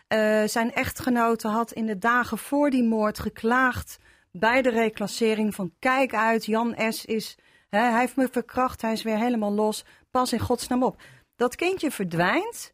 Het eerste wat de politie natuurlijk had moeten doen was in de systemen kijken van wie is die buurman. Ja. Dan waren ze uitgekomen bij Jan S. Eh, ik heb in 2010 rechercheurs gesproken die deze zaak onderzocht hebben. En die hebben tegen mij gezegd, als er onmiddellijk was gereageerd, dan had dat meisje gered kunnen worden. Want Ja. hij heeft haar nog een uur of tien in leven gelaten. Ja, en eh, uiteindelijk is die wel veroordeeld. Maar goed, Chanel Ja. Naomi Eleveld was daarmee die niet gered. Nee, die was nee, er niet nee, meer. Nee. Maar nou willen jullie eh, graag dat er, eh naar aanleiding hè, van heel veel voorbeelden, want dit is eigenlijk maar een handje vol, hè, wat jullie in al die jaren gezamenlijk onderzocht hebben en boven water hebben gehaald. Met een kritische blik naar politie en justitie worden jullie niet altijd in dank afgenomen. Mensen, lees ik uit het boek dan, mensen die jullie benaderen en politieagenten die met jullie praten, die, die, die krijgen zelfs straf, begrijp ik. Nou ja, ik was het eerste lichtende voorbeeld, hè. Ja, ja, ja, ja. Ja, dus eh, Niet, niet te kritisch zijn, maar ook jullie. zelfs officier van justitie eh, in, in Groningen, die het voor Harry en mij opnam toen wij uit het cold case in werden gezet, werd uit zijn functie gezet. Ja. Maar mensen kunnen ook denken van, goh, eh, is het niet een soort rancune van Dick Goosen weer richting die politie, omdat jullie toch op een rare manier daar bij die politie eruit zijn gezet? Eerst lezen en dan praten. Ja, ja, ik heb het gelezen, maar dan kunnen mensen denken. Nee, als je het boek gelezen hebt, dan denk je dat niet. Want er, staan geen verhalen in, er staan een- feiten in. Juist, het, het is een eye-opener, Precies. eh, maar jullie willen daarmee bereiken dat er iets gebeurt voor die nabestaanden. En dat is, Jolande. Nou, dat is dat in ieder geval als er zulke dingen gebeuren, dat die nabestaanden ook serieus worden genomen. En dat als zij zeggen van mijn man of mijn vrouw of mijn kind is verdwenen en dat past niet in zijn of haar gedrag, eh, om die en die reden. eh, dat de politie dan ook zegt van oké, dit is een serieuze eh, vermissing. Hier moeten wij op inzetten. En deze zaak moeten wij gaan onderzoeken als een mogelijke moord. Maar als ze dat niet doen, dan vinden jullie dat er een soort onafhankelijke commissie moet Ja. komen. Waar mensen Ja. dan toch terecht kunnen omdat ze ontevreden zijn wat politie en justitie met Ja. de zaak hebben gedaan. Ja, zo'n commissie is er voor veroordeelden. Dat is de ACAS. Hè. Mensen die eh, denken of vinden dat ze onterecht veroordeeld zijn, kunnen een beroep doen op die eh, commissie. Eh, en dan denk ik, waarom in godsnaam is die commissie er wel hè, voor verdachten die veroordeeld zijn? En waarom is die er niet voor nabestaanden, voor hè, familieleden van slachtoffers die of eh, vermoord zijn of verdwenen zijn? Ja. Waarom is er niet zo'n loket voor familieleden om daar hun zaak aan te melden en dan te vragen van willen jullie daar naar kijken? Hè, onafhankelijk, eh, onafhankelijke experts en kijken, zijn er nog handvatten om deze zaak opnieuw te gaan openen? En wie moet er daarin zitten, Dick Gozen weer? Ook eh, zo iemand als een oud regisseur? Nee, ik, ik hoef daar zeker niet in te Nee, maar bijvoorbeeld. Nou, daar moeten mensen in zitten die A. eh, kunnen luisteren naar mensen. Mensen die kennis van zaken hebben. Maar vooral de bereidheid om gewoon naar de feiten te kijken. En niet van tevoren al te denken van deze zaak moeten we vanaf. Dus advocaten, politiemensen, eh, eh, wetenschappers. Hè, eh, de NFA, NF, eh, hoe heet dat, DNA-deskundigen. Ja. Gewoon mensen die de zaken deskundig zijn. En die de bereidheid hebben met open mind zo'n zaak Ja. te bekijken. Ja. Nou zijn dit zes eh, grote zaken die jullie behandelen, eh, waarvan er eentje is opgelost en eh, vijf andere niet. Die spelen nog steeds. Eh, ehm, ja, je mag hopen voor de nabestaanden. Maar er als- zijn twee zaken die kunnen zo aangepakt worden. Ja, ja, maar dat gebeurt dan niet. Nog niet, nee. Nee, maar dan moeten Nee. nabestaanden moeten dat dan ook doen. Hè? Die, moet, die kunnen dan eigenlijk eh, dat gaan doen, maar dat gebeurt dan niet. Nou ja, je hebt gezien dat de Kamer nu heeft gezegd van ho, op grond van eh, moordsporen gaan Ja. wij nu Kamervragen stellen. En willen wij dus weten van de minister, hè, van Grappenhaus, hoe zit het nou Ja. bij zaken waarin nog steeds twijfel bestaat, eh, bij zaken waarin er dus wel handvatten zijn om die te gaan Ja. eh, onderzoeken. Vertel eens Grappenhaus, waarom gebeurt dat niet? Waarom blijft die twijfel bestaan? Eh, en waarom eh, wordt zo'n zaak niet heropend? De Kamer goed. wil daar antwoorden op Nou, we hebben. gaan wachten op antwoord en gaan vooral lezen Moordsporen op zoek naar de waarheid achter cold cases. Geschreven door Jolande van der Graaf en Dick Gooseweer. En uitgegeven door Just Publishers. Dank voor jullie komst. Dit was Casata. Fijn weekend en tot volgende week. Je luisterde naar Casata. Dat is te beluisteren als radioprogramma op zaterdagmiddag, maar sinds kort ook als podcast. Net als het programma Drenthe Toen. Vond je het nou interessant? Geef ons dan 5 sterren en laat je beoordeling achter. En vertel het natuurlijk ook aan vrienden, familie en collega's. Daar help je ons mee, zodat we nog meer luisteraars kunnen bereiken. Tot volgende week.